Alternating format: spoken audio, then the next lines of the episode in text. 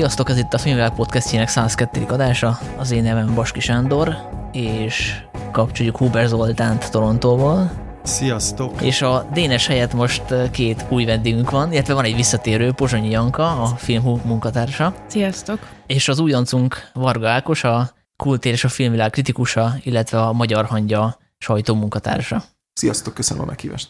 Hát köszönjük, hogy elfogadtad, és a mai adásban oszkározni fogunk. Ugye ez is egy hagyomány nálunk, hogy minden évben vagy az oszkár előtt, vagy utána végigmegyünk a jelölteken, illetve a nyerteseken, és megmondjuk, hogy szerintünk ki nyerhet, illetve hogy kik maradtak ki méltatlanul. Ákos, mivel te újonc vagy, tőled is megkérdezem azt, amit ugye korábban Zolitól meg Dénestől is, hogy, hogy hogy viszonyulsz az Oscarhoz, tehát hogy ezt így lenézed, mint egy ilyen fajta ilyen túlságosan mainstream dolog, vagy, vagy valamilyen értékmérőnek ez azért mégiscsak jó?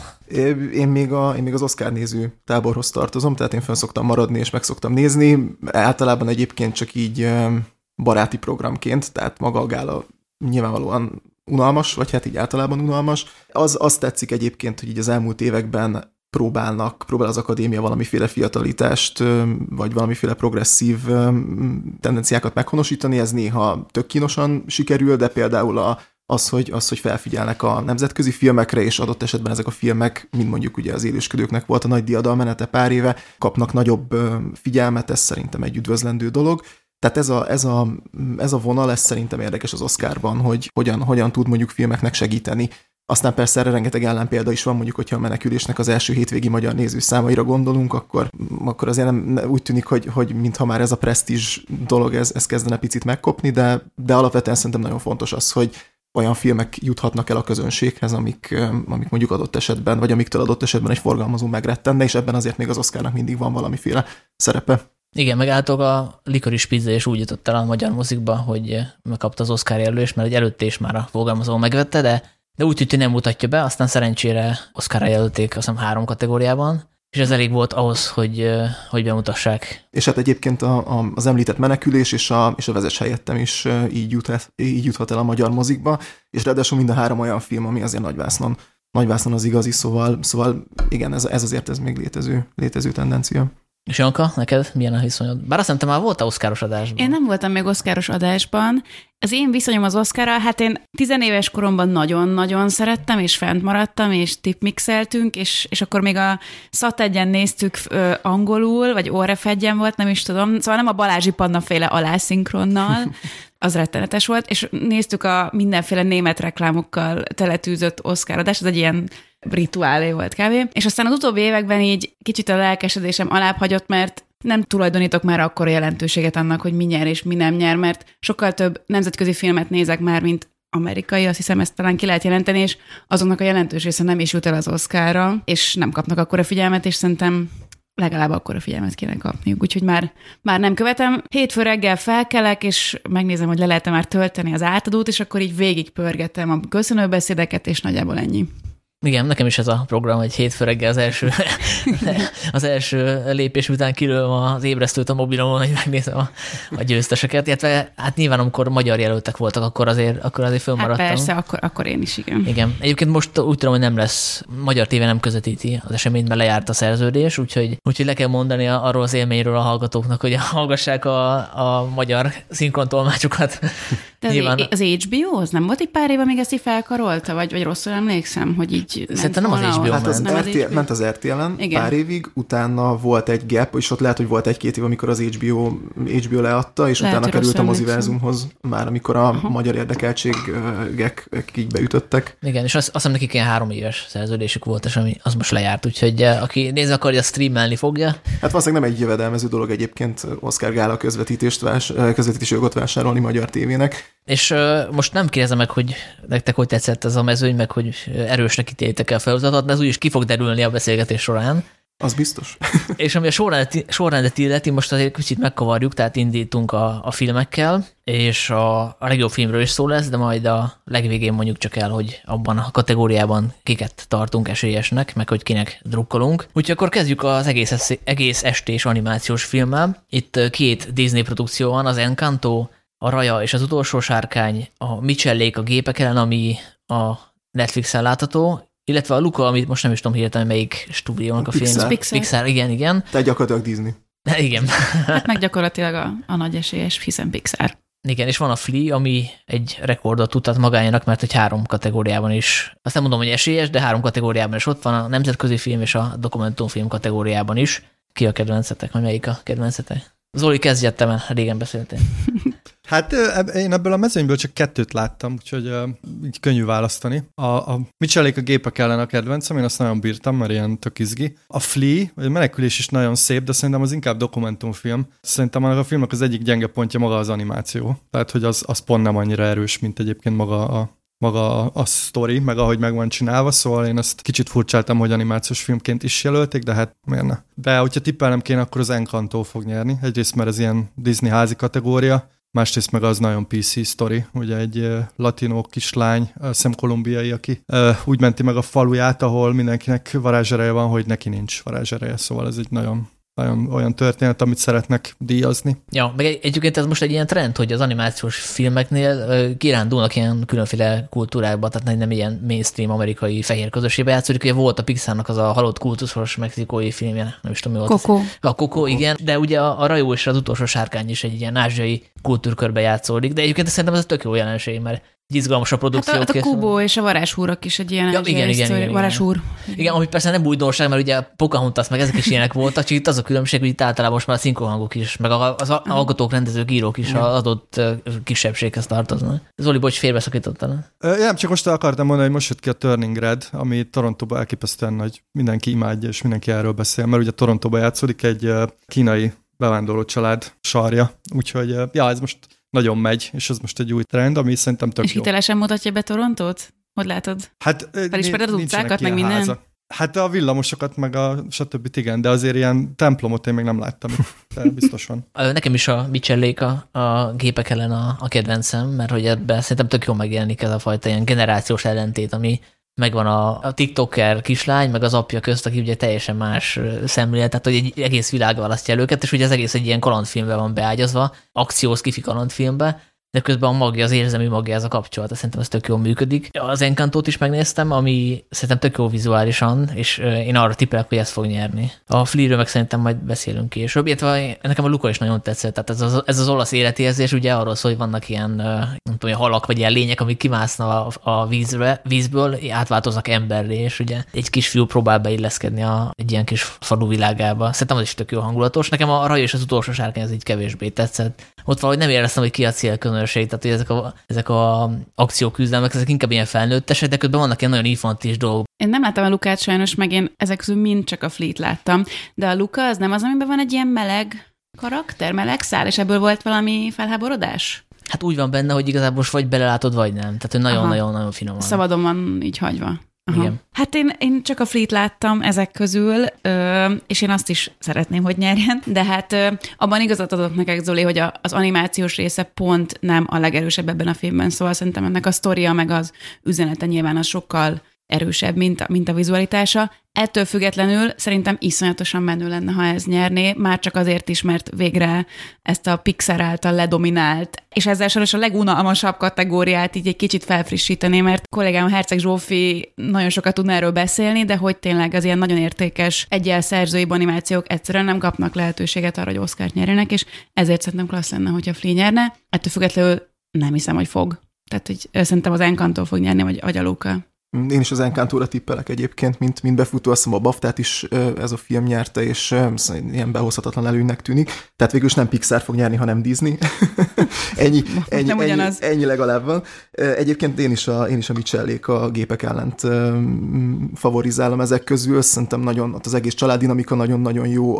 Az, hogy mennyire függünk a technikától, az iszonyat izgalmas, és hogy e, ennek fényében mennyire kerül előtérbe a, a hagyományos vagy, a, vagy az ilyen old school képességek, ami ugye az apukának van. Szóval, szóval azt szerintem nagyon érdekes, de egyébként a Lukát meg a Raja és az utolsó sárkány sajnos én sem láttam. A Flea jelölése szerintem, szerintem azért jó ebben a kategóriában is, mert, mert az animációs dokumentumfilm, mint műfaj, azt szerintem egy ilyen nagyon, nagyon érdekesen, vagy egy nagyon mostohán kezelt, és én is, én is általában így elsőre nem nagyon tudom hova tenni, hogy most akkor ez animációs, de közben dokumentumfilm, szóval hogy ez egy nagyon, nagyon fura hibrid, hibrid dolog, viszont a, viszont a Free-nél ez nagyon jól van megoldva. És ott talán amiatt indokolt, hogy más eszközökkel ábrázolja, más animációs eszközökkel ábrázolja a múltban játszódó részeket, a, az interjú részeket, szóval, szóval sok, nagyon sok jó megoldás van benne, ami, ami, az, animáció, ami, ami az animációból fakad. Most hirtelen nem tudom, de a libanoni keringő az volt Oszkára jelölve annak Azt hiszem, idején? hogy volt. Volt, ugye nem, de nem kapott. Nem. Nem, itt szinte mindig a Pixar kap, tehát hogy tényleg, tényleg az, amit mondtok, hogy ez már nagyon le van dominálva, pedig uh, rengeteg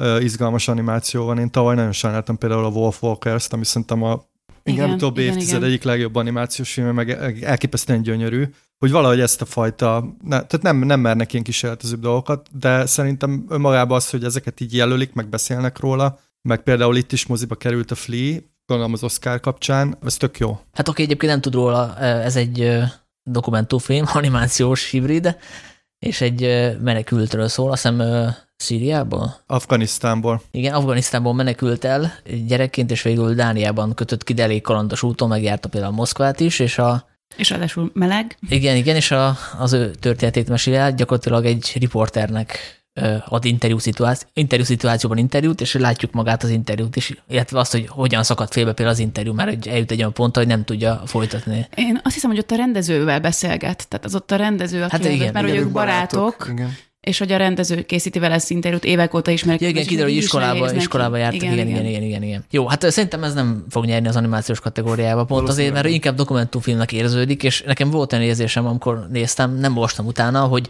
hogy utána ez úgy készülhetett, hogy, hogy ezt rendes dokumentum, idézőjelben rendes dokumentumfilmként akarta megcsinálni, és akkor valamiért, hogy nem tudom, lehet, hogy nem vállalta a főszereplő az arcát, akkor azt mondta, hogy akkor inkább animáljuk meg, ami tök jó megoldás, de ettől függetlenül szerintem ez elsősorban egy dokumentumfilm.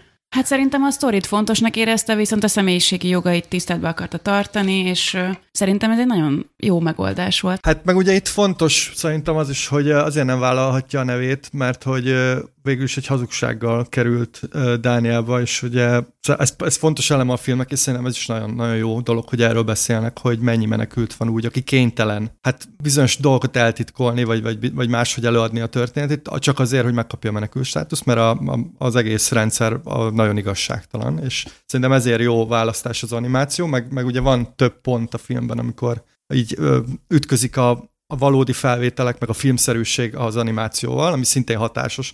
Nekem a magával az animációs technikával volt bajom, hogy nem mind, néha úgy engem kizökkentett, szóval Igen, kicsit ilyen akadozó, Elnagyolt, igen. nem ilyen nagyon finomak a mozgások, hanem egy kicsi szögletesség így van benne. Igen, és amikor elvonja a technika a, magáról a filmről a figyelmet, azt hiszem nem feltétlenül szerencsés, de, de tényleg olyan erős a narráció, meg, meg az egész sztori, hogy, hogy én is azt mondom, hogy ez egy dokumentumfilm, és annak nagyon-nagyon jó, és nagyon fontos is. Jó, akkor kössünk át szerintem a dokumentum kategóriába, és Ákos átadnám neked a szót, mert te láttad az összes filmet velünk Én, én, ellentétben. én mindet láttam, így van.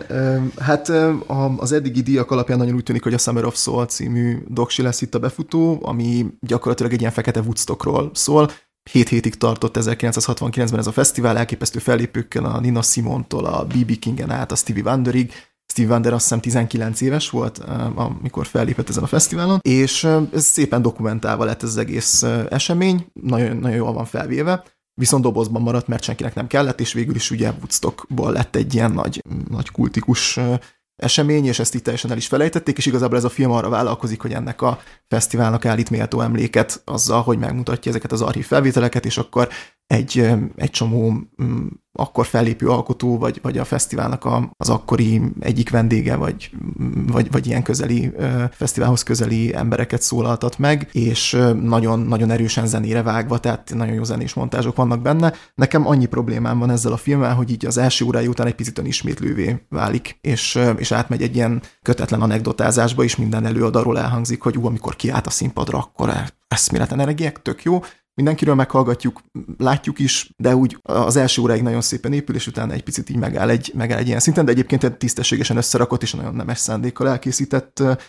doksi. Én jobban örülnék például az Ascension című dokumentumfilmnek filmgyőzelmének, ami gyakorlatilag azt mutatja be, hogy a kínai termelés és a kínai ipar, az, az hogyan, hogyan épül fel, és hogy, hogyan zajlanak dolgok abban az országban, ami ugye egyébként egy kommunista diktatúra, miközben egyébként erősen vadkapitalista dolgok ö, vagy, vagy szemlélet uralkodik. és elképesztő látványjal, és olyan, tehát hogy van, van egy nagyjából 20 perc a filmben, azt hiszem te is láttad, mm-hmm. hogy mhm. a, amikor szexjátékokat szerelik össze, és akkor... Mindenfélenek az összeszerelése van, de igen, van egy hosszú rész, amikor ilyen szex dolgokat raknak össze, és így festik a Melbimbó udvart, ilyen nagyon-nagyon részletesen, meg a szemet, meg a száját, meg az mindent, tehát hogy ja, van egy ilyen rész. Úgyhogy ez egy ilyen erős rendkívül erős állításokat tesz úgy, hogy egyébként nem sok szöveg van a filmben. Tehát leginkább, leginkább termelési folyamatokat látunk, vezetői tréningeket látunk, és ez eszméletlen abszurd jeleneteket. Nekem tetszett ez a film, kicsit azt érzem az ascension kapcsolatban, mint a Summer of soul de nem azért nem tetszett a vége, mert ugyan ismétlő volt, hanem hogy nagyon-nagyon érdekes volt ez a gyártási folyamat, meg a, egészen az alapoktól indulunk, tehát hogy ahogy így keresik a munkát egy ilyen negyedben, az a munkakereső negyed, így ordibálnak az emberek után, hogy hány gyári munkásra van szükség, és akkor megyünk egyre feljebb és feljebb, és akkor munka, etikett, és akkor eljutunk egy ilyen nagyon általános képig, amikor már nyaraló nénikről nézünk képeket, meg uh-huh. nyaraló tinikről egy ilyen vízi vidámparkban, ami már annyira messziről kapcsolódik ehhez a ahogy mondtad, vad kapitalizmushoz, hogy én azért visszamentem volna a gyári szintre egy kicsit, mert az sokkal jobban érdekelt. Szóval nagyon elrugaszkodott az elejétől kezdve, mindettől függetlenül nagyon érdekes volt. Szerintem egyébként sokat nézte a rendezőhölgy a Koyanis Kacit, meg a, meg igen, a Discovery hogyan készültet, és valahogy ez ennek a, ennek a kettőnek egy ilyen érdekes fúziója. Igen.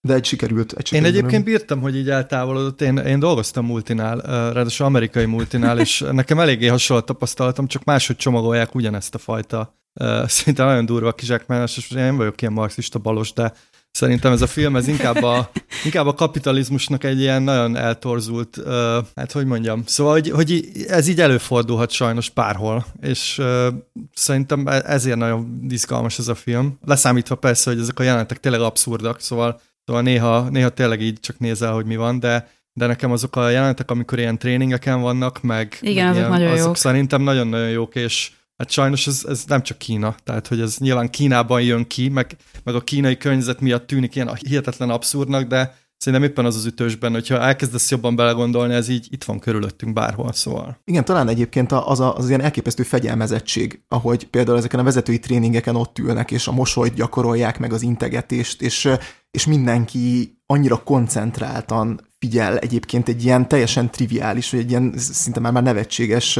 mantrára, vagy, vagy, tré, vagy tréningelemre, szóval szerintem ez, ez, ez teszi ilyen nagyon, nagyon furcsá, furcsává ezt az egész filmet. Moziba vetítik kint, vagy te ezt megnézted valahogy? Én ezt, megné- én ezt megnéztem a TK-ból. uh, nem, a, bocsánat, Prime videón fenn van. Ezt szerintem ott láttam. Hát nekem ezt nagyon eladtátok, és Hát én is nézegettem az otcokat, és az alapján tényleg a, a Summer of Soul az esélyes. Azt nem tudom, hogy mikor szavaztak a, az akadémia tagjai, mert az lehet, hogy befolyásolja, nem csak ebbe a kategóriában, a másik kategóriában is, mert ugye itt elkezdődött egy háború három hete, és ugye a Flea az erről szól, hogy mi történik, hogyha kitör egy háború ott, ahol élsz, és akkor mit tudsz csinálni. Igen, igen, ezen is gondolkodtam, amikor az előbb a Flea-ről beszéltünk, hogy sőt egyébként azt hiszem, hogy a, a mozinet a, a háborús menekültek megsegítésére fordítja a filmbevételének az egy részét. Egy párvetítésen, Vagy egy igen. párvetítésen, mm-hmm. igen. Szóval, hogy elképzelhető, hogy ez tényleg ad egy, ad egy, ad egy ilyen hát, tragikus aktualitást ennek a filmnek, ami egyébként megtörténhet a, a Writing with Fire című dokumentumfilmmel is, más szempontból. Ez ugye egy indiai doksi, ami egy újságíró csapatról szól, női újságírók által um, alkotott um, szerkesztőség, akik elkezdenek online tartalmat gyártani, és ilyen kis ügyekre mennek rá Indiában, és gyakorlatilag oknyomozó újságíróként, de úgy, hogy látjuk a filmben, hogy az elején az egyik hölgy például nem tudja kezelni még az okos telefont, és akkor ott tanítják neki, hogy melyik gomb mit csinál, és nem tudom, és így elkezdenek videóriportokat csinálni, és így nagyon erősen fölfutnak, és hát általában nem, nem éppen az aktuális politikai rezsimnek kedvező témákat és véleményeket fogalmaznak meg, vagy, vagy állításokat tesznek, és igazából az ő sztoriukat követi a film, egyébként egy nagyon, nagyon szerethető, és, és, és tényleg egy, az, a, az, amire ugye azt szoktuk mondani, hogy óda az újságíráshoz, de hogy tényleg az, tehát, hogy nagyon, nagyon, nagyon, nagyon érdekes és nagyon izgalmas látni azt, hogy, hogy Indiában egy, egy gyakorlatilag lelkes amatőrökből álló közösség hogyan tud tevékenyen részt venni abban, hogy, hogy, hogy fontos ügyek és, és problémák eljussanak a, a nagy nyilvánossághoz, szóval talán ez is a, a média kérdés, vagy a média reprezentációs dolgok egyébként ennek is nem, nem feltétlenül adnak neki akkor aktualitás, mint mondjuk a Flinek, de azért így a háborúnál is előjön az, hogy, hogy itt azért kommunikációs hadszintéren is zajlanak harcok, és hát ez a film ez picit ebbe is belekap. konkrétan itt bele is bonyolódnak a, a hölgyek egy, egy, egy politikai kampányba, vagy a választási kampányba, és akkor vannak, vannak ilyen dolgok benne. Amit viszont nekem egy teljes talány ebben a kategóriában az az Attika című film, amit egyébként megfigyeltem, hogy az Attika, ami így egy ilyen börtön, nem tudom, hogy még, még az-e, vagy csak volt, de hogy háromszor, három filmben említik, ugye ebben, de említik a Licorice Pizzában is, és a, a West Side Story-ban is, úgyhogy ez fura rekord, de ez a film, ez, ez, ez nekem egy ilyen évtizedes mélypont. Nem csak a, nem csak a dokumentumfilmeket tekintve, hanem az Oscar tekintve. A, a legfapadosabb beszélőfejes tévés doksi, ami, ami tényleg mondjuk egy ilyen ID discovery is ciki, úgy néz ki, és úgy van, úgy van megcsinálva és még emellett egyébként leegyszerűsítő állításokat fogalmaz meg egy nagyon-nagyon fontos témáról. Itt ugye egy börtönlázadásról szól, de börtönlázadásról ilyen unalmasan szerintem még senki nem csinált filmet, úgyhogy ezt meg kell neki adni.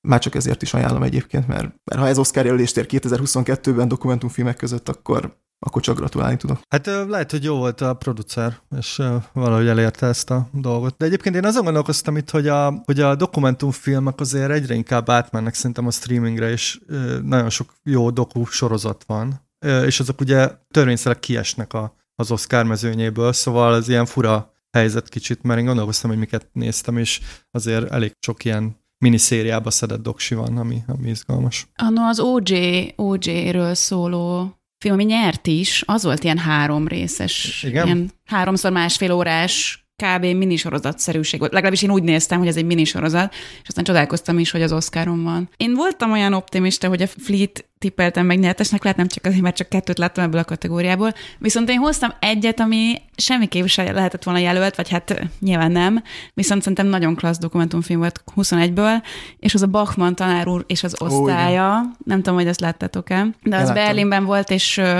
talán ezüst medvét kapott. Igen. 21-ben, és az egy négy órás dokumentumfilm, egy német ilyen iparos kisváros, egy ipari kisvárosban egy, egy végzős általános iskolás osztályról és a tanár, az osztályfőnökről, és ugye ez egy olyan város, hogy nagyon sok a bevándorló, tehát hogy orosz, bolgár, szír, olasz, mindenféle nemzetiségű munkások vannak, és ugye az ő gyerekeik is ilyen második generációs gyerekként vannak ott, és hát egy elképesztően fantasztikus ember ez a Bachmann tanár úr. Tehát én komolyan azt éreztem a filmen, egyrészt elröpült a négy óra, másrészt valahogy így visszaadja a hitet az emberiségben egy kicsit, mert hogy azt tanítja nekik, egyrészt iszonyatosan empatikus, egy nagyon kedves ember, és hogy nem, mondja, nem azt tanítja nekik, hogy már pedig ti németek vagytok, itt éltek, itt be kell tagozódni, hanem hogy a kultúrátokkal együtt itt és ott is otthon tudtok lenni. Ez, erről az egészről szól, fél éven keresztül követte ezt az osztályt ez a, ez a rendezőnő, és uh, beszélgetéseket látunk, osztályfőnöki órát, matek órát, angol órát, meg azt, hogy egyszer elmennek kirándulni. És hát fantasztikus. Szóval aztán még a cirkóba vetítik, én nagyon ajánlom, nem... Szünettel, nem egyébként. Tényleg? Aha.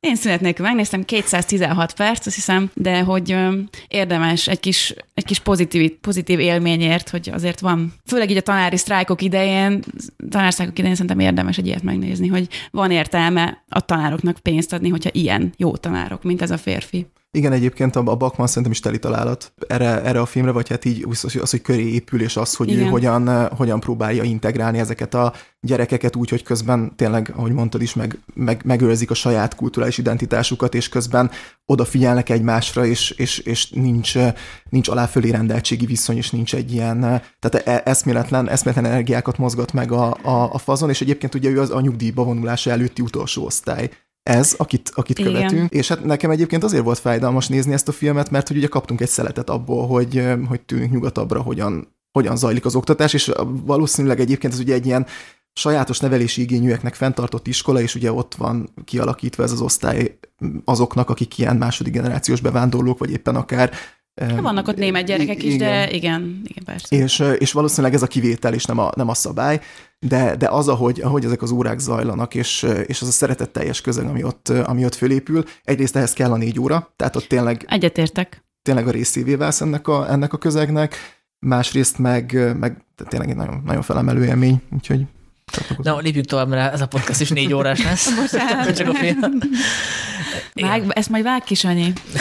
Hogy a, ja, igen. Ja, egyébként még csak annyi, hogy, hogy tegnap zárták le a szavazást, tehát március 17-én, tehát majdnem másfél, úgyhogy a, szerintem a Flea-nek így megnőnek az esélyei, mert azért gondolom mindenkit foglalkoztat az ukrán válság, és nagyon Tehát, hogy ez most nagyon Igen, aktuális. igen, igen. Hát ugye itt most két dolog viaskodik egymásra. Egyrészt ott a háború aktualitása, másrészt, hogy a számomra szól azért az amerikai közösséghez eléggé közel van. Igen. Tehát, hogy őket jobban megfogja, mint Az minket. biztos, igen, igen.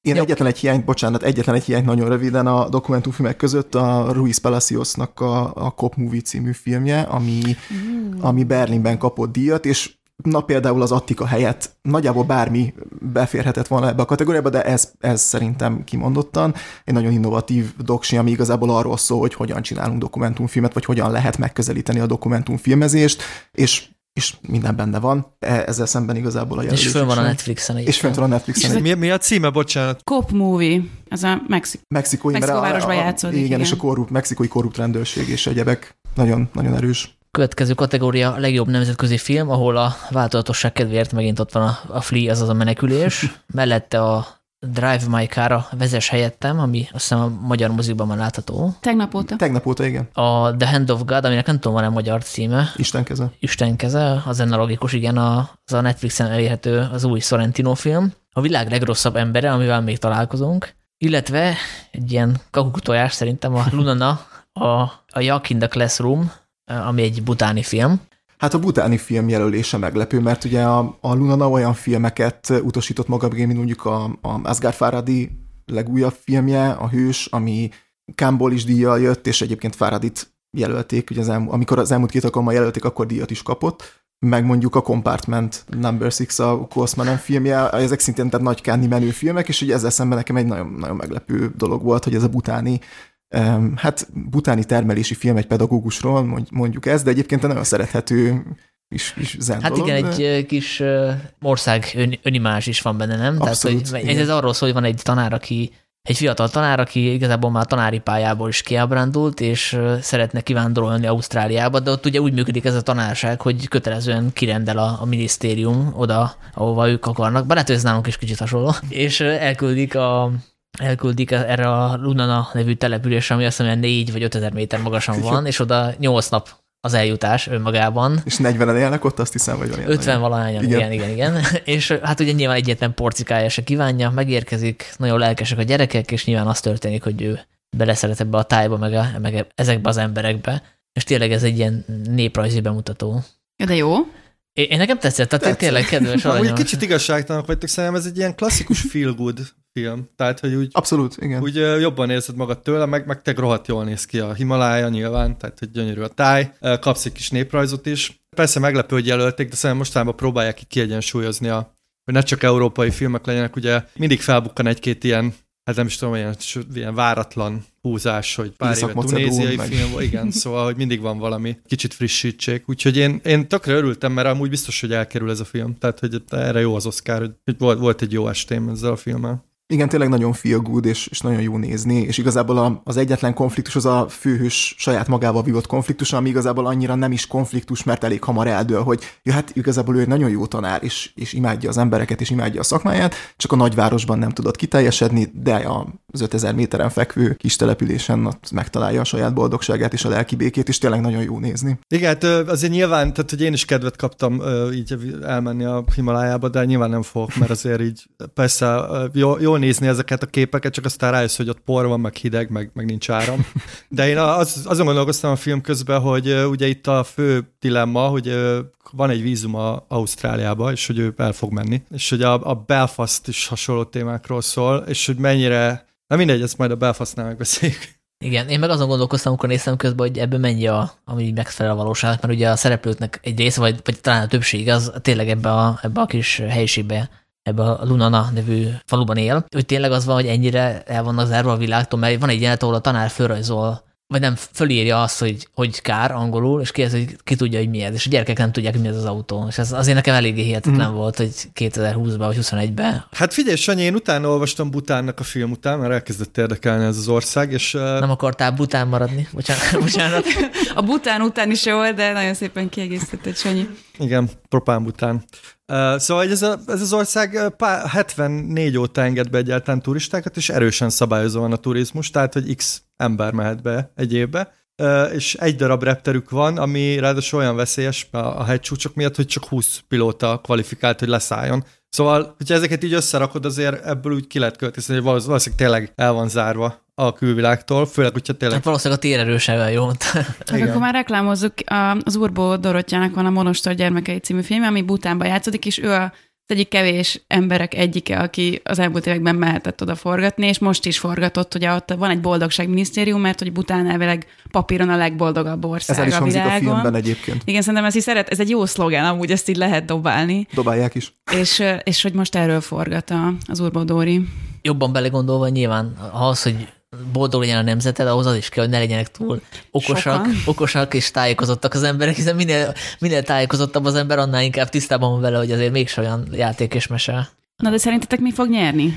Én a vezes helyettemre tippelnék. Uh-huh. Igen, általában ez szokott lenni, hogyha egy film benne van a fő kategóriába, akkor azt megnyeri a Legalábbis ez volt, azt hiszem, élősködőkkel, ugye? Az élősködőkkel is ez volt, a, annak idején a, a Haneke filmmel is, a szerelemmel is ez volt, hogy az is ott volt a fő kategóriában. Szóval ez picit-picit nekem ilyen lefutottnak tűnik, de hát lehet, hogy mert azért Sorrentinónak van egy nagyon jó Oscar híre, vagy egy, vagy egy nagyon jó nemzetközi reputációja, és még az se kizárt, hogy a, hogy a világ legrosszabb embere odaérhet itt Súranó pályán, a, ugye több kategóriában is jelölt, és azért az a film az nagyon erősen rezonál gyakorlatilag a világon mindenhol a közönséggel. Igen, hát a, erről még szerintem beszélünk erről a filmről, illetve a Hand of Godról, a a Sorrentino filmjéről egyszer már beszéltünk a podcastben, ezeket én majd be fogom linkelni a, a poszt alá, azokat a filmeket, amikről beszéltünk korábban. Nekem a kedvencem a világ legrosszabb ember, hogy én annak drukkolok hivatalosan. Nem tudom, ti hogy vagytok? Ez én is, én is annak drukkolok. Valamit kapjon a Flea, de ha nem ezt, akkor, vagy ha ezt, vagy ha nem ezt, akkor ezt a világ legrosszabb embere kapja. Én egyébként mindig jelölt filmet szeretem, én is örülnék annak, hogyha a világ legrosszabb embere kapná.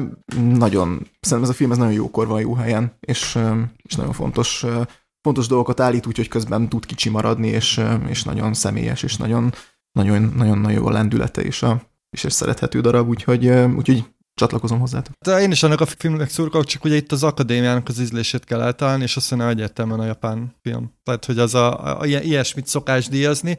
Én egyébként nagyon hiányoltam minden a Compartment 6 című filmet, ami szerintem az tavaly év egyik leg, jobb. Én is azt írtam fel, és a Janka is, is bólogat nagyon. Fel. Én még kettő másikat is felírtam. Én is. De fejezd be, Zoli, bocsánat. De ennyi, ennyi, hogy én, én azt szeretném, hogyha az lenne ott, és meg is nyerni, de hát szurkolunk a, legjobb, a világ legrosszabb emberének, de meglátjuk. Én ezt írtam a Compartment Six-et, a Farhadit, és én még betrolkodtam ide a Radu Zsude filmjét én is, is, Én is. Hogy mekkora királyság lett volna, hogyha az űrös kettyintés, vagy pornó a Dili házban bekerült volna, mert az azt jelentette volna, hogy az akadémiának van humora, meg van annyi öniróniája, hogy berakjon egy filmet, ami tökéletesen lefedi az elmúlt egy-másfél évünket. Abszolút. Kelet-európai szinten legalábbis tökéletesen. Én megmondom nektek őszintén, hogy én tervezek egy ilyen emberkísérletet itt Torontóba, hogy ezt, ezt a filmet uh, valahogy le kéne vetíteni Kanada kanadaiaknak. Mert tökre érdekelne, hogy ők, mert hogy én, mint kelet-európai, nagyon, nagyon éltem ezt a filmet, és nagyon-nagyon éreztem minden rezdülését, és imádtam, de hogy kíváncsi lennék egyébként, hogy, hogy így a nyugati féltekén ez mennyire rezonál. Egyébként szerintem azért,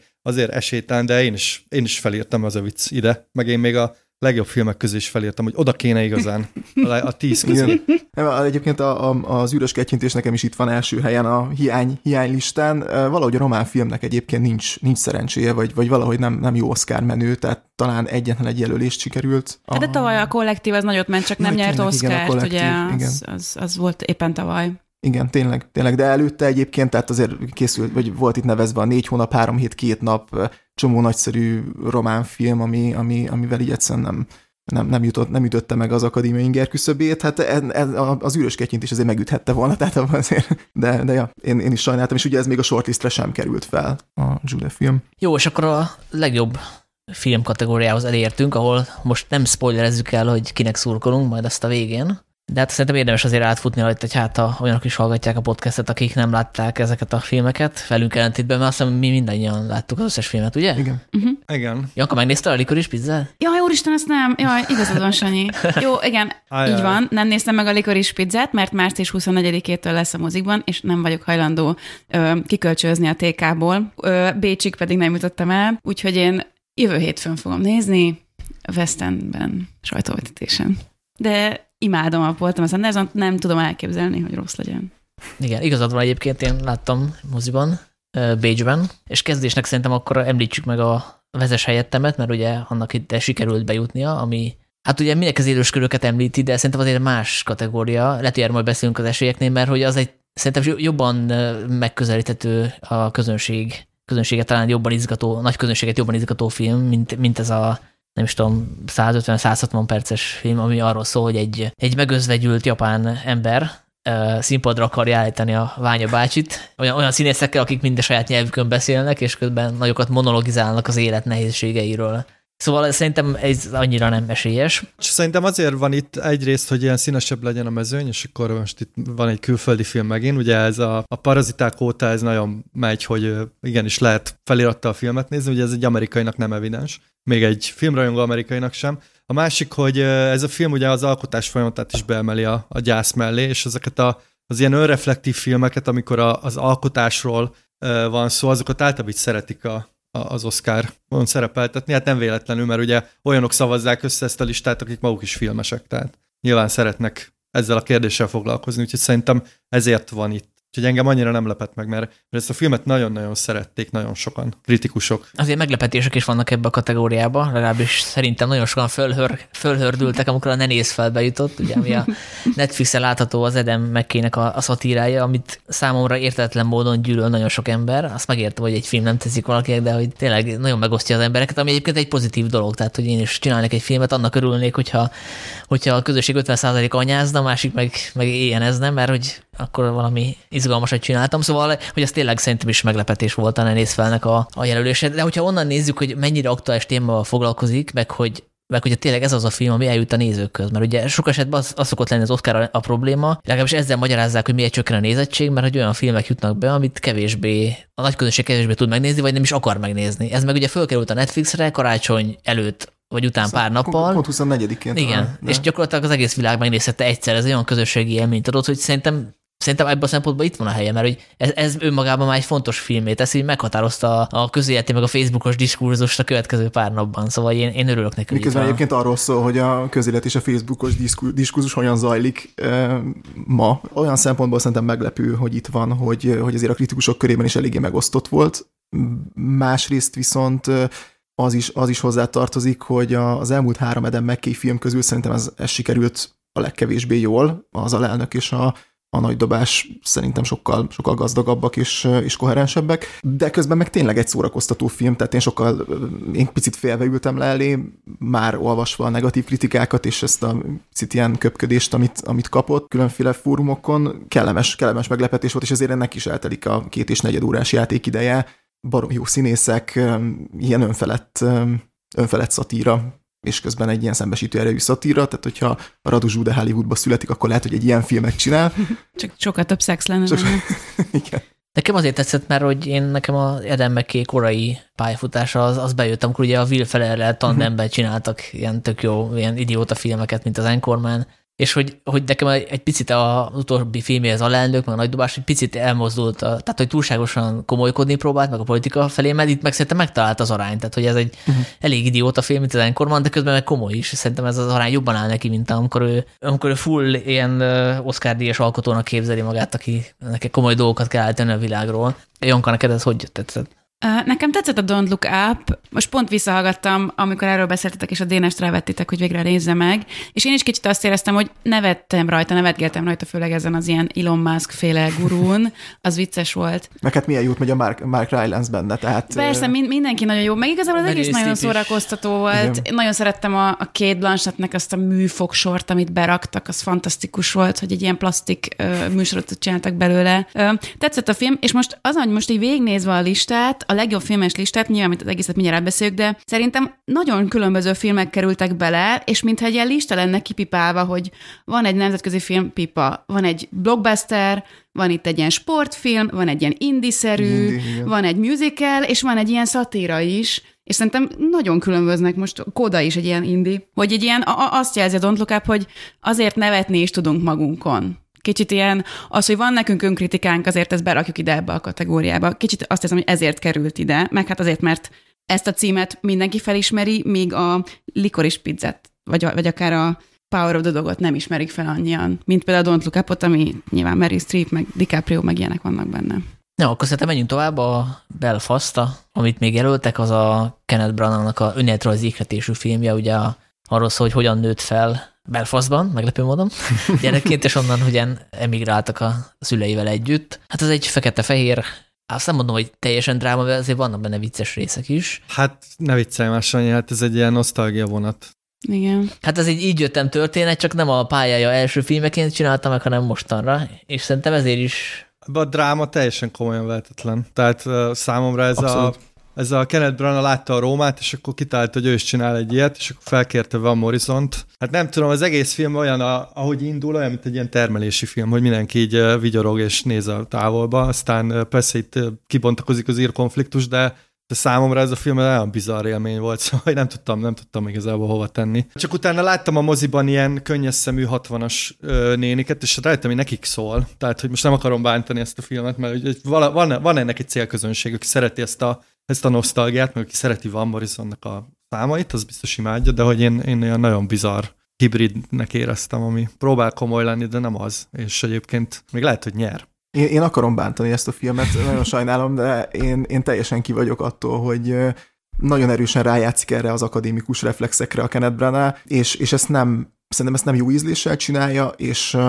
én nagyon tiszteletre méltó gesztus, hogy a saját gyerekkorából ikletődve próbál meg egy, egy tényleg egy ilyen nosztalgia trippet összehozni, de szerintem tele van, tele van e, nagyon-nagyon elbaltázott rendezői döntésekkel a, a film koncepció szintjén. Tehát az, hogy nem hagy benne a gyerek nézőpontba, ahonnan egyébként elfogadnám a, az ilyen sekélyesen felvázolt egyházügyi konfliktust, a, a nagyon-nagyon hát ilyen példaképszerűre festett nagyszülőket, szülőket, nem, nem hagy ebbe benne, hanem közben azért próbál, próbálja ezt az egész társadalmi dolgot megpedzeni, és így ugrál ebből ezek között a nézőpontok között, szerintem teljesen inkonzekvensen, és, és valahogy így ez az egy két irány, ez így ki, sőt, hát igazából három irány, ez így kioltja egymást, meg hogy tényleg az a, az a nagy trüváj, hogy a, csak a moziban látunk színeket, és hogy amikor ők moziban vannak, akkor egy... Szóval, hogy mm, ez már, ez már az a gics, ami, ami nekem egy picit, nekem egy picit sok volt. Igen, amit itt mondtad, Zoli, hogy ilyen nagy mosolyokkal kezdődik a film. Nem, a film az ilyen turisztikai drónfelvételekkel kezdődik, amitől én teljesen kivoltam.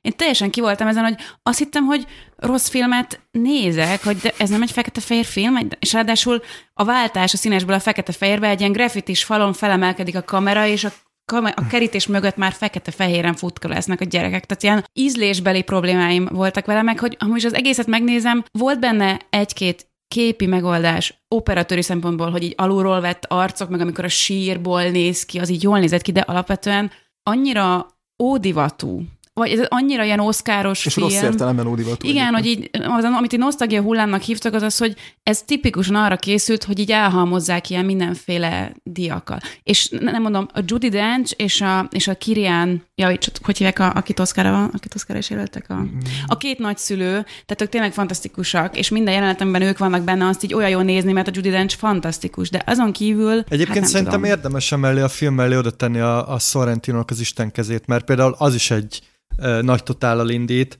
de hogy mennyire, mennyire más a kettő, és hogy mennyi, mennyivel jobb a Sorrentino-nak a, a megoldása, ahol így, így Sodróc, Nápolyban, ilyen, ilyen, néhol ilyen egészen álomszerű, epizódikus, és ott tényleg nagyon üt a dráma. Pont úgy jött ki nekem egyébként, hogy ezt a két filmet ilyen pár nap különbséggel láttam, és nagyon durva a különbség, amikor a Brana féle ilyen nagyon boomeres, nagyon, nagyon avittas valamit megnézed egy olyan mellett, ahol, ahol ugyanezek a ugyanezek a koncepciók, meg megoldások, egy nagyon kreatív és nagyon ötletes rendező, egy nagyon vizuálisan erős rendező, vagy film mellett, ezek, ezek nagyon kijönnek, hogy mennyire, mennyire nem működnek. Hát az a különbség, hogy a Sorrentino filmét azt egy szűk réteg tudja befogadni, meg értékelni, ez meg szerintem a nagy közönségnek való, és ez, ez egy dolog, hogy mi, illetve hát inkább ti, mert hogy én ezen el voltam, jó szórakoztam, azon túl, hogy láttam a hibáit, szóval, hogy, hogy mi ezt, mi ezen fanyalgunk, de szerintem reális esélye van, ha nem is fő kategóriában, de azért, azért valamire van esélye. Vannak benne igen ezek a modoros megoldások, a fekete-fehér fényképezést én sem értettem, de ezt számítva szerintem nincs párhuzam Rómával, tehát hogy ő, ő nem akart egy, egy full komoly filmet csinálni, tehát ebben szándékosan van benne a Én humor. nem vagyok benne biztos, hogy ezt ő nem gondolta De hát ebben ebbe, ebbe, rengeteg humor van ebben a filmben. Hát igen, ilyen, ilyen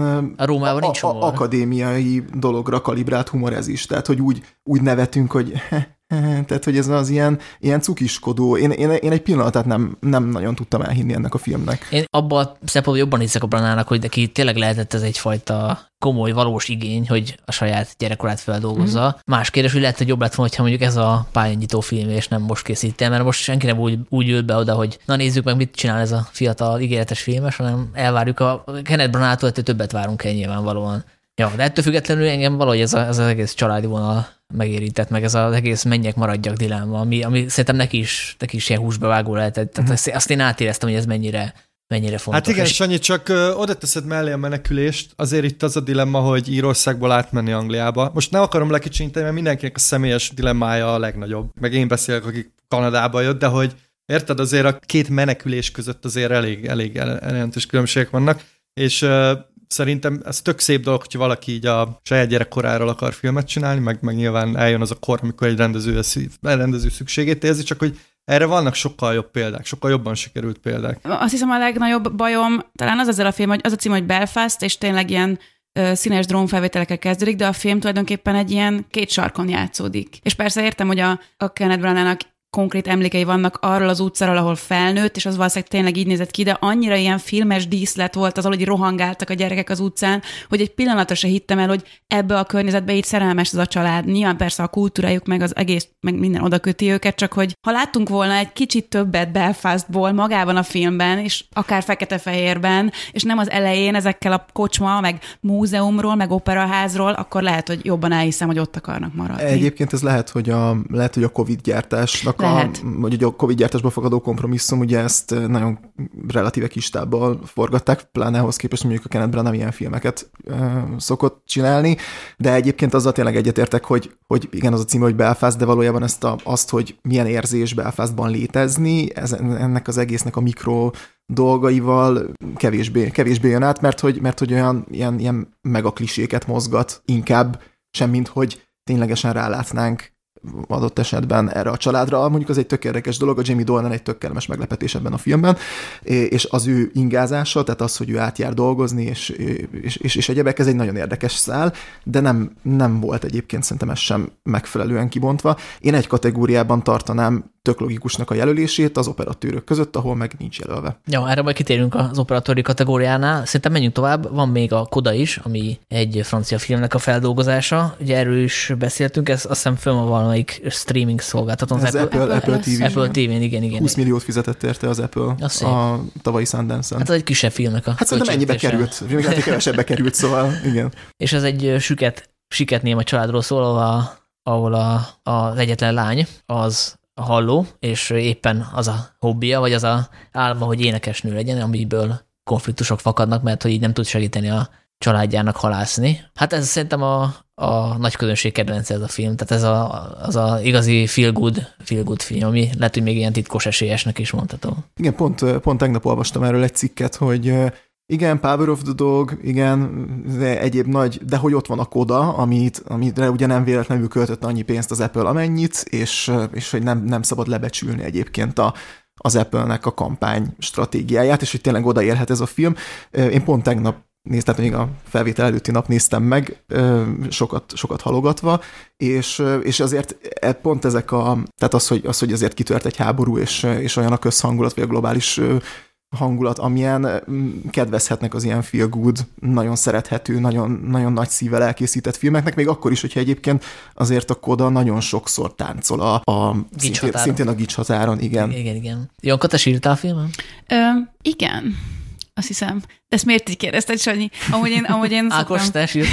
Én majdnem sírtam. Igen. Én amikor énekelt a, a, a lány a végén, a nagy vizsgán, ott azért szerintem ö, nagyon meghatottam, és ráadásul azt olvastam most, hogy az egész amire fel van építve ez a jelenet, hogy ő elkezdi jelelni, amit énekel, azt ott rögtönözte ez a színésznő, ami hihetetlen, mert olyan, mint hogyha tökéletesen erre lenne felépítve az a, az a finálé. Szép film volt, szép film volt.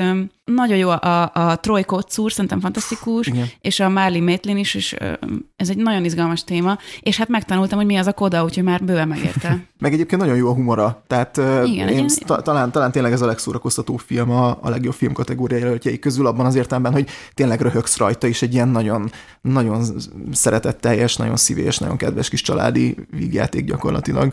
Hát én klasszik Sundance-es. Én szeretem, szeretem az ilyen, ilyen filmeket. Ezek Egyébként szerintem ez a film simán odaérhet, szóval hogy én is el tudom képzelni, hogy megnyeri végül ezt a kategóriát, mert hogy amikor én tavaly nyáron láttam, akkor így én nagyon szeretem ezt a filmet, hiszem tök megható. És te sírtál rajta, Zoli? Hát figyelj, mint ilyen gyerekes, kislányos apa, azért az a jelenet elég erős, amikor a, meg ez az egész dilemma, szóval ne engem így személyesen azért megérintett erősen. De hogy meglepődtem, hogy ez, ezután nem milyen nagyot ment így a, tehát hogy mennyire felkapta a kritika, mennyi helyen lehetett vele találkozni, és hogy most itt van. Úgyhogy ebből én azt veszem le, hogy ennek komoly, komoly rajongó tábora van, és azok lehet, hogy beszavazzák a, az első helyre, lehet, hogy az fog történni, hogy így megosztódnak a szavazatok, és mert ugye az sokszor előfordul ebbe a kategóriába, hogy nem feltétlenül az a film nyer, amire a legtöbben szavaznak, hanem hanem így megoszlanak a szavazatok, és akkor bejön ilyen második, harmadik helyzet film első helyen. És van egy kakuktojása még egy kakuktojás szerintem a jelöltek közt, legalábbis én szerintem van, valahogyan kilóg innen a Rémámok sikátora, Guillermo del Toro filmje, amire a közönség se nagyon tódult, nagyon-nagyon lelkendező kritikákra sem emlékszem, meg valahogy a műfaj miatt se gondolnám, hogy itt lenne helye. Egyébként egy remake van szó, Bradley Cooper főszereplésével ugye, meg a Rooney Mara is szerepel benne, szóval, hogy nekem ezt, ez picit bocsánat, csak ezt ugye hangsúlyozza a Del Toro, hogy ő nem remake csinált, hanem az, a, a, könyvet, a, regényt, a regényt adaptálta újra, és aztán én nem Jó, láttam sajnos az eredetit, igen. de hogy elvileg nagyon sok helyen cseng össze az eredeti filmmel, ami 47-es talán. Szóval Hát ugyanaz a sztori gyakorlatilag. Csak a, a vége egy picit más, tehát vannak ilyen apró eltérések benne, egy picit noárosabb, hát nem picit, hanem sokkal noárosabb, mm. mint az eredeti, ami végülis bravúra, azt nézzük, hogy a eredeti az gyakorlatilag akkor játszott, amikor a noir volt a, a divat. Szerintem abból a szempontból nem tojás, hogy valamiért azt hiszem, hogy ha, mert van díszletre, vagy jelmezre, és ha, már, és ha már ott vannak, akkor legyen itt is, meg hát sztárparádé. Szerintem ez nincs annyira túl gondolva.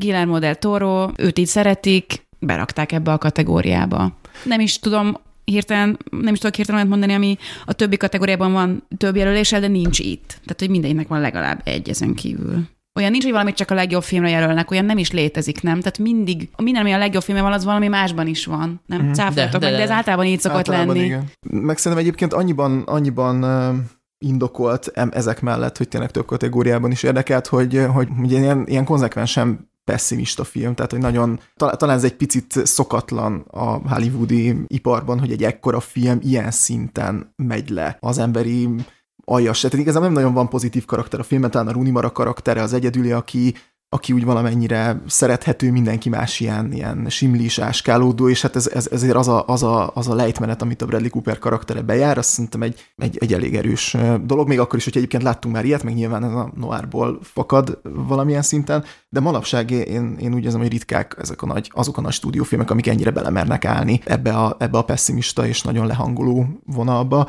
úgyhogy talán, talán emiatt lehet, lehet itt helye. Meg ugye hát a Del Toro Oscar-t nyert korábban, úgyhogy végül is neki lehet, anya, annyi jogon ez már jár, plusz ugye a Scorsese nyilvánosan kiállt a film mellett, hogy kijelentette, hogy ez egy nagyon nagy teljesítmény, és arra biztat az embereket, hogy nézzék meg a moziba. Azért az se sűrűn fordul elő, hogy a Scorsese beszáll egy Oscar kampányba, úgyhogy nincs hozzá szem között, tehát ő nem a producer ennek a filmnek. Hát egyébként nagyobb film, mint a vízérintése szerintem. De én, én, én nagyon-nagyon nem szerettem azt a filmet. Zoli? De az én megfejtésem az az, hogy uh, ugye ez uh, azért fejet hajt a, a régi hollywoodi stíl, stíl előtt, tehát hogy ez, ebben vannak ilyen nagyon noáros világítások, uh, kis horror, szóval hogy ez szépen végig megy, megy a film történetnek egy bizonyos korszakán, és azért ezeket is szeretik így jelölgetni, és szerintem, szerintem logikus valahol. Nyilván tudnék 30 másik filmet mondani, aminek itt kéne lenni helyette, de de hát igen, ez, ez amiket mondtak, ez mindig az, szerintem ezek, ezekből így összeállt, hogy ennek itt kell lenni. És hát nyilván itt kell lenni a West Side story is, mert hogyha Spielberg csinál egy filmet, annak, annak azért az Oscaron a helye. De miért, Sanyi? Én, én ezt nem értem. Hát azért, mert ő a nagy öregje Hollywoodnak, és ő az egyetlen, aki elmondhatja magáról, hogy, hogy hat különböző évtizedben jelölték Oscarra. Azért. Nem minden, nem minden filmét azért. Minden filmét jelölték? Azt nem tudom, minden filmét, de ezt olvastam ezt a statisztikát, hogy, hm. hogy azért az nem semmi, hat, hat évtizedben jelölnek. Azt hiszem, hogy nem mindegyik film, hanem valamelyik rendezői Oscar, tehát hogy uh-huh. de így. Hát igen, igen, csak én pont néztem, hogy mikor csinált utoljára jó filmet, és hogyha nagyon szigorúak vagyunk, akkor 25 éve, ha kicsit megengedőbbek, akkor 20 éve, szóval hogy ez értem, hogy 60 éve dolgozik, csak érted azért, a, har, tehát, hogy a karrierje most rába azért nem tudom, én, én nem értem, hogy nagy öreg, de ne, nekem ez, ez borzasztó élmény volt, ez a West Side Story, komolyan mondom szóval. hát ezek szerint nem vagy musical fan. Nem, nem a musical fanság miatt, hanem, hanem ez, ez, ez egy annyira, annyira üres film. Tehát, hogy én azt éreztem, hogy neki az égvilágon semmi, semmi nem jutott eszébe erről a sztoriról. ami, ami egyébként egy tök izgalmas sztori. Lehetne nagyon aktualizálni, nagyon sok fontos téma van benne, ehelyett Spielberg megcsinálta úgy, mint hogyha 1961-ben lennénk újra, szépen ö, gyönyörű színek vannak, meg, meg, meg táncolgatnak az emberek, ö, ráadásul ö, felült a PC vonatra, de úgy, ahogy egy ilyen öreg 70 éves ember elképzeli, hogy milyen a, milyen a PC.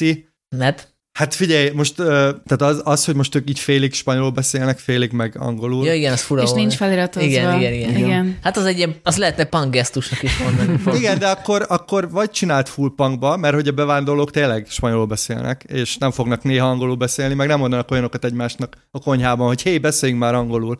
Szóval akkor, akkor csináljuk fullba, nem? Igen, szóval... ez jogos. Azt hittem azt mondod, hogy van benne egy ilyen, azt hiszem, transz karakter talán? De, az, Van, be, de az bennem az eredetibe is. Szóval, Hát igen, de ő egy ilyen token karakter, tehát hogy igazából így, így néha így elmondják róla, hogy hé, ott van egy uh, transz. na jó, de az fura lett volna, hogyha kihagyják, amikor bennem az eredetibe is. Az a kérdés, hogy neked az eredeti az mennyire tetszett, mert hogyha az se, meg ez se, akkor igazából... Figyelj, én nagyon szeretem az eredetit, ugye az egy eh, nagyon fontos, az a, azok a megoldások, a, amik így átkerültek a popkultúrába, hogy azok mai szemmel már ilyen nagyon triviálisnak tűnnek, de nyilván ez, ez akkor, ez nagyon-nagyon ütős volt. De az, hogy most ezt megcsinálta újra, szerintem tök unalmasan, ez nekem valahogy nem. És, és a másik problémám, hogy ez az egész New Yorki gettó, ez olyan szépen néz ki, hogy így nekem így kedvem támadt úgy így nyalogatni ott a rozsdás srácsokon. Tehát, hogy ezek a bevándorlók ilyen 400, 400 négyzetméteres, 8 szobás lakásba laknak, és akkor arról panaszkodnak. Na mindegy, szóval nem tudom, én ezt nagyon nem éreztem most ezt a filmet, és uh, Meg tényleg a romok is úgy néznek ki, hogy Ugye, hogy mintha, mintha egy, ilyen,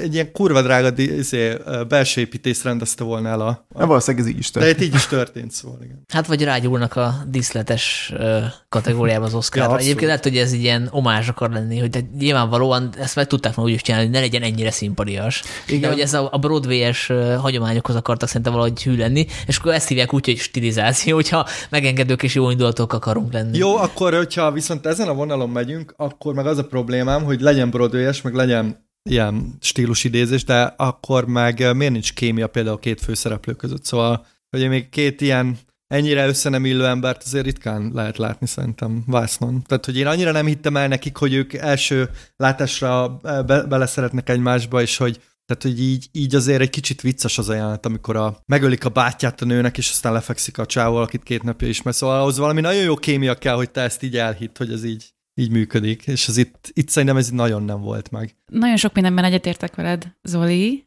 De de nem, hát én szeretem a musicaleket, a klasszikusokat is, és az újakat is megnézem, hogyha, hogyha jönnek, és tényleg, hogyha erről a filmről mondjuk leszednénk egy 40 percet, akkor egészen tök jó élmény lenne, és főleg, hogyha azokat a részeket szednénk ki, amiben úgy beszélnek. Mert amikor énekeltek és táncoltak, én ott tökéletesen el voltam. Tényleg, sőt, mivel TK-ból vettem ki, ezért vissza tudtam pörgetni, és volt két táncos zenés szám, amit utána visszapörgettem, mert meg akartam nézni a koreográfiát még egyszer, és hogy ha mindent leszedek róla, a legnagyobb ezzel a filmmel az, hogy olyan tiszteletet akart adni az, az eredeti filmnek, hogy megcsinálta pontosan ugyanazt, ergo szinte teljesen felesleges volt ezt megcsinálni. Mert hogy nyilván több helyen lenyilat- lenyilatkozta a Spielberg, hogy ez mekkora hatással volt rá gyerekkorában, az első nagy, színes, mozi élmény, és hogy mindig is meg akarta ezt csinálni, meg is csinálta, tök jó, biztos nagyon sokba került, meg így gyönyörűen néz ki, meg felújította a képet, de hogyha ezt mind leszedjük róla, akkor a, a táncos zenés részek szerintem tök jól működtek. Szép, szépen énekeltek. A kémia szerintem sem volt meg, főleg a lány miatt, de igazából egy, nem, nem egy fontos film ez. Mondjuk ezzel egyedül vagy, hogy a lány miatt, mert a, a többség inkább azért a Azzal elgortott. elgortott kutyázza, igen, igen, igen, igen. Egyébként visszatérve arra, hogy, hogy nem tett hozzá semmit, én sajnos nem láttam az eredetit, vagy soha, vagy vagy olyan régen, hogy nem emlékszem rá, de hogy azt olvastam, hogy egy picit jobban rágyúrtak itt erre az etnikai vonalra, hogy ez még, még erősebb ez a feszültség, meg hogy a rendőrök is gonoszabbak, ugye korszelemhez hűen, tehát hogy val- valamit azért csak változtatod. hát konkrétan az eredetiben ugye a puertorikoi lányt, azt nem puertorikoi játsz, hanem Natalie Wood és uh, Rita Moreno, aki egyébként puertorikoi kapott egy ilyen, hát barnítást Kapott egy blackface-t, mondjuk Tehát ki egy blackface-t, úgyhogy nyilván a, a, hogy mondjam, az egy 60 éves film, tehát hogy nyilván nem minden része öregedett jól. Viszont cserébe azok a koreográfiák, meg azok a megoldások, amik egyébként ebben a filmben is benne vannak, azok nagyon nagy hatással voltak a későbbi New York képre, tehát nyilván annak, annak egy ilyen, az a film az azért fontos. Tehát, hogy ma, mai szemmel megnéznéd, akkor lehet, hogy így furcsálnád, hogy ez miért volt akkor a duranás. De emlékszem, amikor először láttam rám, és tök nagy hatással volt, szóval azért Izgi. A, annak ellenére, hogy a West Side Story, mint musical szerintem nagyon fura. Tehát ugye egy Romeo Julia történet elvileg egy gettóba helyezve, ahol fiatalkorú bűnözők. Szóval ez egy ilyen bizarr valami, de hát nyilván ez egy fontos musical történeti darab. Amúgy szerintem nem lettek a rendőrök. Ebben a, ebben a Spielberg féle verzióban a rendőrök ilyen semmilyenek. Van ez a nyomozó, aki az először az elején szerepel. Hát igen, olyan furák, nem? De szóval utána így... eltűnnek a rendőrök. A rendőrök nincsenek ott többet. Tehát, hogy ott vannak, amikor a sóbányában, mi ez a só? Sótartó. vannak. Sótartó. Amit kiavíthatott volna a Spielberg ezzel az egészen kapcsolatban, azt nem tette, mert azt érezni, hogy kockáról kockára tiszteletet akar adni ennek az egésznek. Ennyi. És ez tök jó, de Nekem is minek? az volt az érzésem, hogy ő azért akart ezt megcsinálni, mert hogy kíváncsi volt, hogy milyen egy ilyen filmet megcsinálni. Szóval biztos, hogy biztos jól lehet szöszölni így a ruhákkal, meg a díszletekkel, meg a táncjelenetekkel, hogy hova álljon a kamera. Hát meg csak... műzikát még nem csinálta, pont a kipipálja. Ja, ja, ja. Hát csak jó, hogy de- azért ez a sztori ebbe kurva sok minden lehetne most, 2022-ben. És akkor annyi, hogy Kicsit olyan, mint amikor a Sant kockáról kockára leforgatta a pszichót még egyszer, is minek? Annyi- Annyit fűznék hozzá, egyébként nagy, nagy részt egyetértek, én jobban élveztem, mint amennyire gondoltam, hogy, hogy tetszeni fog. Engem úgy elkapott az, hogy tényleg úgy van föltéve, mint egy, mint egy musical a, a 60-as évekből, a Kaminski óriási operatőr zseni, meg, meg azért ez egy eszméletlen kihívás, azért ezeket a jeleneteket így fölvenni, ilyen koreográfiákkal, ilyen mozgásokkal. Tehát ez a része engem elvitt, tényleg egy ilyen hollywoodi, nagyon-nagyon top hollywoodi minőség, mm, és, és, és ezt most így igazából jól esett megnézni, de azzal teljesen egyetértek, hogy túl sok értelme egyébként valóban nem volt megcsinál, megcsinálni, mert olyan sok, olyan sok mindent azért nem tesz hozzá. Hát úgy van értelme megcsinálni, hogy ab, ha abból indulunk ki, hogy sok olyan vannak, akik ezt látják először. Egyébként én is valószínűleg így voltam vele, ha csak nem felejtettem el teljesen az eredetit, szóval én a moziba csodálkoztam rá, hogy ja, hát ez egy Róma és Júlia történet. És a végére sem emlékeztem, úgyhogy nekem ez ezért volt ez egy mm. picit jobb szórakozás, mint nektek, mert nekem nem volt mivel összehasonlítani. Meg egyébként néha tényleg jó az, amikor így a mozi szembesít azzal, hogy milyen a klasszikus mozinak a varázsa, és azért ebben a filmben ez erősen lüktet, még akkor is, hogyha tényleg egy picivel hosszabb, mint amennyi az indokolt lenne. És akkor térjünk át a Richard királyra, ami ugye a Williams testvérek, a teniszezők apját helyezi fókuszba, akit Will Smith alakít, és ez egyfajta életrajzi film. Az a típusú, ahol utána meg tudjuk nézni a stáblista alatt, vagy a Youtube-on, hogy ki mennyire hasonlít arra, akit játszott. Meg azt is, hogy a Williams testvérek az executive producerek, tehát Igen, azok igen, ugye igen. rögtön picit beárazzák a filmet, vagy hogy így elhelyeznek egy bizonyos spektrumon, hogy mit lehet elhinni és mit nem, de Hát valószínűleg nekem tetszett ez a legjobban itt a társaságból, de akkor mondjátok el ti, hogy Nekem is tetszett egyébként, én, én eszméletlenül jól szerkesztett filmnek tartom, tehát hihetetlenül jól van, a, jól van vágva, és nagyon precíz, és nagyon, nagyon visz magával, és engem elvitte ez a nagyon feel good dolog, dacára annak, hogy utána olvastam, hogy egy valamelyik másik Williams testvér így picit árnyalta ezt a képet az apáról, ami, ami ebben a filmben megjelenik, nem, ne, hogy nem, nem zavart igazából, tehát egy picit így felszínszentem, amikor megláttam, hogy kik az executive producerek, és és ezért ez egy nagyon-nagyon-nagyon lírai és tényleg hőssé van téve egy picit a, az apuka, nem feltétlen jogtalanul, de, de hogy egyébként meg tényleg el tudott vinni az, hogy, az, hogy nagyon erősek a, a színészek, nagyon jó, nagyon jó köztük a, a dinamika, nagyon jók a tétek, jól vannak adagolva, és tényleg fantasztikusan van vágva, szóval, szóval én, én nekem ez egyébként tetszett. Ezek, a, ezek azok a fenntartások, amiket egy, egy életrajzi filmnél, vagy ezek azok, amik így elszok, elő szoktak jönni, de ebben az esetben ez nekem engem annyira nem, nem dobott le erről a filmről. Különösebb bajom nekem se volt vele, és az van, hogy szerintem, hogy engem összességében a, a Serena Williams, mint sportoló lenyűgöző. A Venus Williams is természetesen, csak a Serenát nem tudom, jobban követem, vagy jobban ismerem az ő munkáját, ami nem nagy ismeret, de azért utána néztem, hogy ő miket csinált, és hát ez egy hihetetlen történet, nyilván filmre kívánkozik, jó kis sportfilmes dramaturgiája volt, Igen. feel good, ahogy mondod. A Will Smith is jó volt, nem volt vele különösebb bajom. Egy nagyon klasszikusan szerkesztett film volt, rég láttam már ilyen klasszikus filmet. És itt a jó értelemben mondom, nem úgy, mint a Belfast, ami meg csak simán nem volt jó. Hát akkor, akkor úgy tűnik, hogy nekem volt ez a komolyabb bajom, mert hogy én ne, olyan, én nem éreztem ezt a filgutságot, hanem pont tök más dolgokon kezdtem el gondolkozni. Ugye ez a film szerintem nagyon egyszerűen meséli el ezt a történetet, túl egyszerűen, és ehhez képest két és fél órás, szóval kicsit túlbeszélt, úgyhogy én nem, ér, nem érzem annyira, hogy ez ilyen jól lenne szerkesztve. De értem, hogy mire gondoltok, mert egyébként ilyen nagyon uh, folyékony, meg hogy, meg hogy tényleg nagyon klasszikus Tehát ilyen egy sportfilm, ezt, ezt szerintem ki lehet jelenteni. Az én problémám inkább azzal volt, hogy, hogy szerintem ezt a történetet nem ebből a szemszögből kellett volna elmesélni, hanem engem sokkal jobban érdekelt volna például az a három testvér, aki ebben a filmben ilyen biodíszletként végigvigyorog és asszisztál.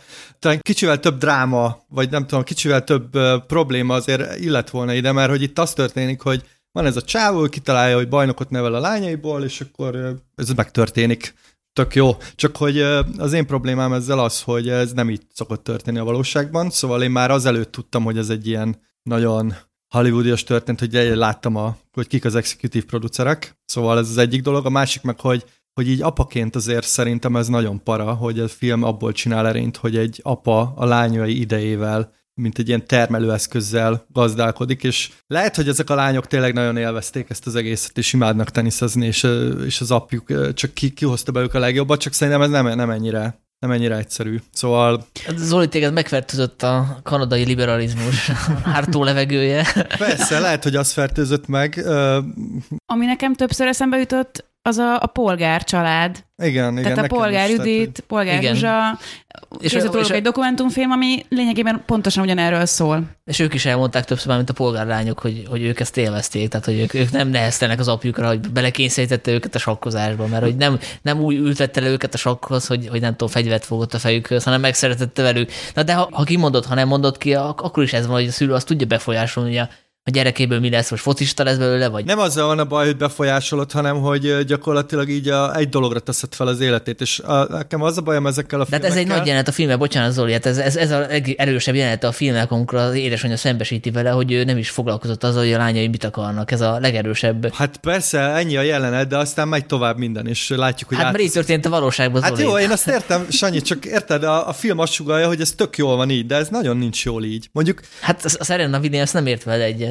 Jó, csak érted, ezt a modellt állítjuk a, az emberek elé, ezt szerintem nem. Ezt szerintem nem azt mondom, hogy ez, ez feltétlenül rossz, csak ez szerintem ellentmondásos, csak ennyit mondok. És lehet, hogy engem már itt megfertőzött a, hogy mindenki csinál, mint akar, de, de szerintem az a baj ezeknek a filmeknek, hogy ez a sikersztori, ez ilyen százezer az egyből. Érted? És én, én inkább a vesztesekkel vagyok, meg azokkal, akiknek nem sikerül. Engem azok az történetek valahogy jobban érdekelnek. Tudom, hogy ez megy, meg ez kell, meg ez kell Oszkára jelölni, csak, csak engem ezek így nem, nem, nem, engem ledobnak, és nem, nem élvezem őket, úgyhogy csak arra mondtam, hogy, hogy nekem nem feel good volt, hanem inkább feel bad. Szóval. Hát az biztos, hogyha filmproducer lennék, és akarnék egy filmet mondjuk a Cristiano Ronaldo vagy Messi, akkor nem téged kérnének föl, mert forgatnál egyet a nem tudom, a testvéről, aki, aki semmire nem, nem vitte. jobban egy filmet a Koplárovics Béláról, most komolyan. De várjál, a Venus Williams kikapott a végén.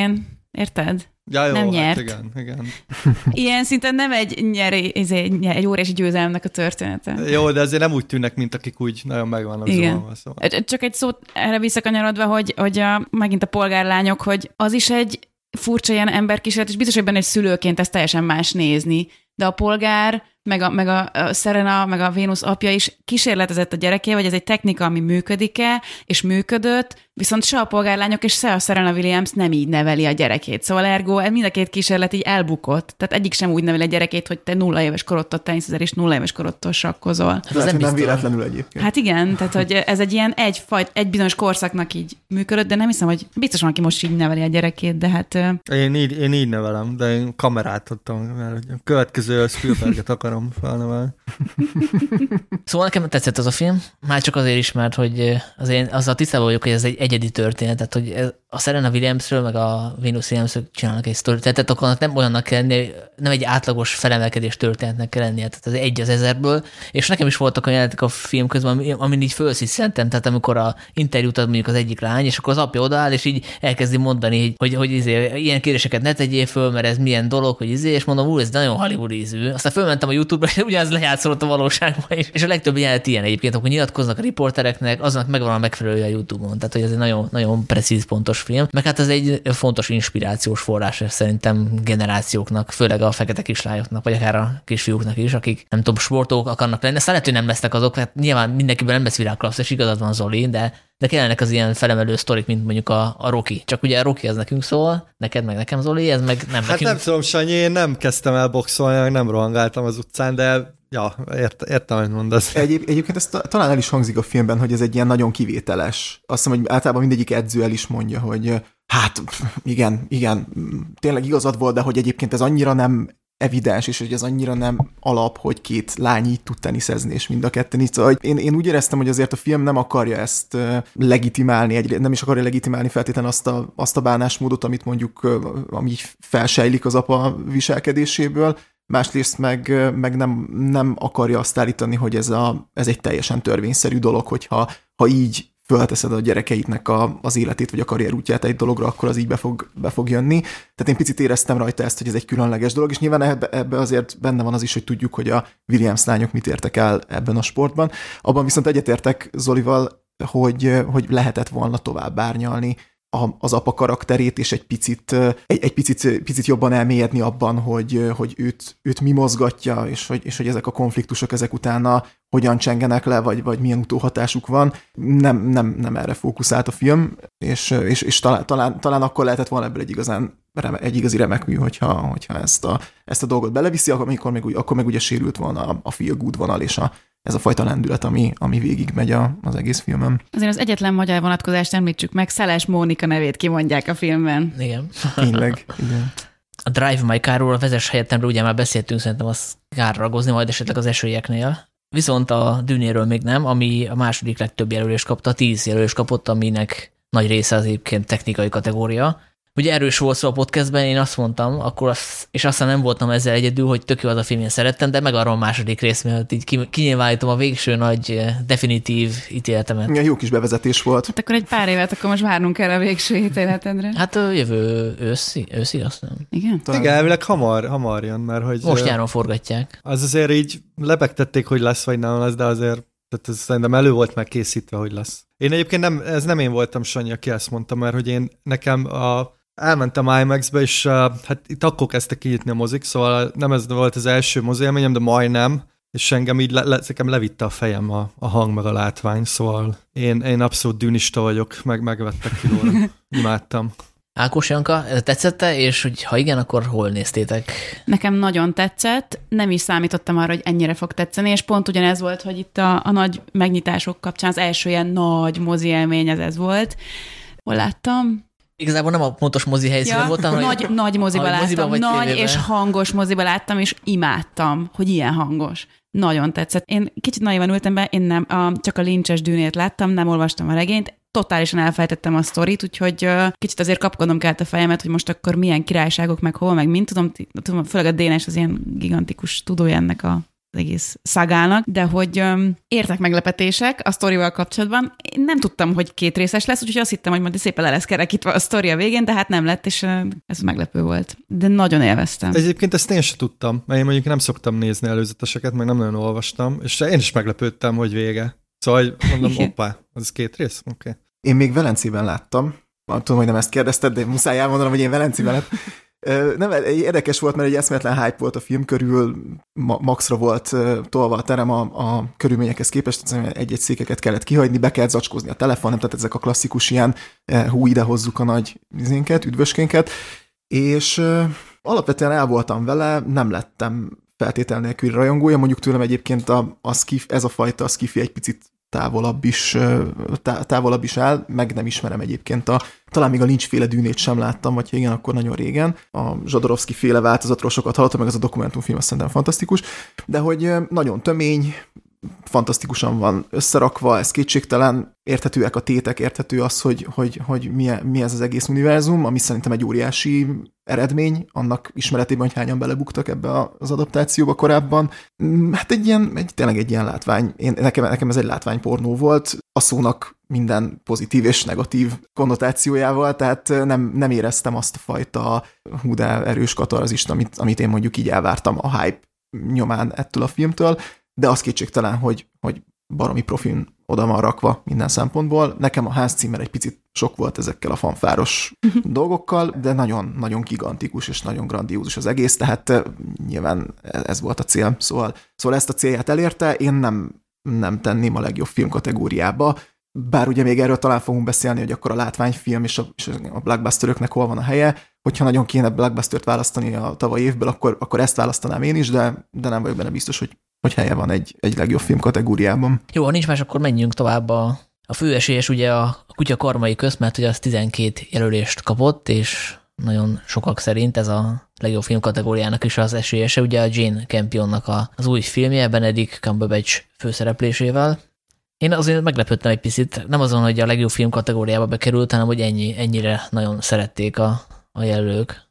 Szerintem olyan szempontból összeáll ez, hogy ugye egyrészt egy, egy kvázi westernről van szó, ami egy klasszikus amerikai műfaj, és azért ezt nagyon szépen, mm, ebben nagyon szépen lehel új életet, vagy nagyon szépen frissíti föl egy ilyen, hát LMBTQ történettel, vagy történettel, és egy ilyen nagyon finom női nézőpontból, vagy hát női rendező nézőpontjából elmesélt filmét, tehát ez a fajta érdekes diszonancia, én jó értelembe vett diszonancia, hogy egy, egy alapvetően férfias műfajnak hogyan mutatja meg a, a nagyon érzékeny oldalát, nem új keletű nyilván ez sem, de, de ta, talán ez, a, ez az, ami, ami nagyon rezonált a, a döntéshozókkal, meg hát egyébként már ugye Velencében is kapott ez is toroszlánt a Campion érte, szóval, szóval, hogy jól össze van ez rakva, mármint hogy koncepció szintjén. Egyetértek.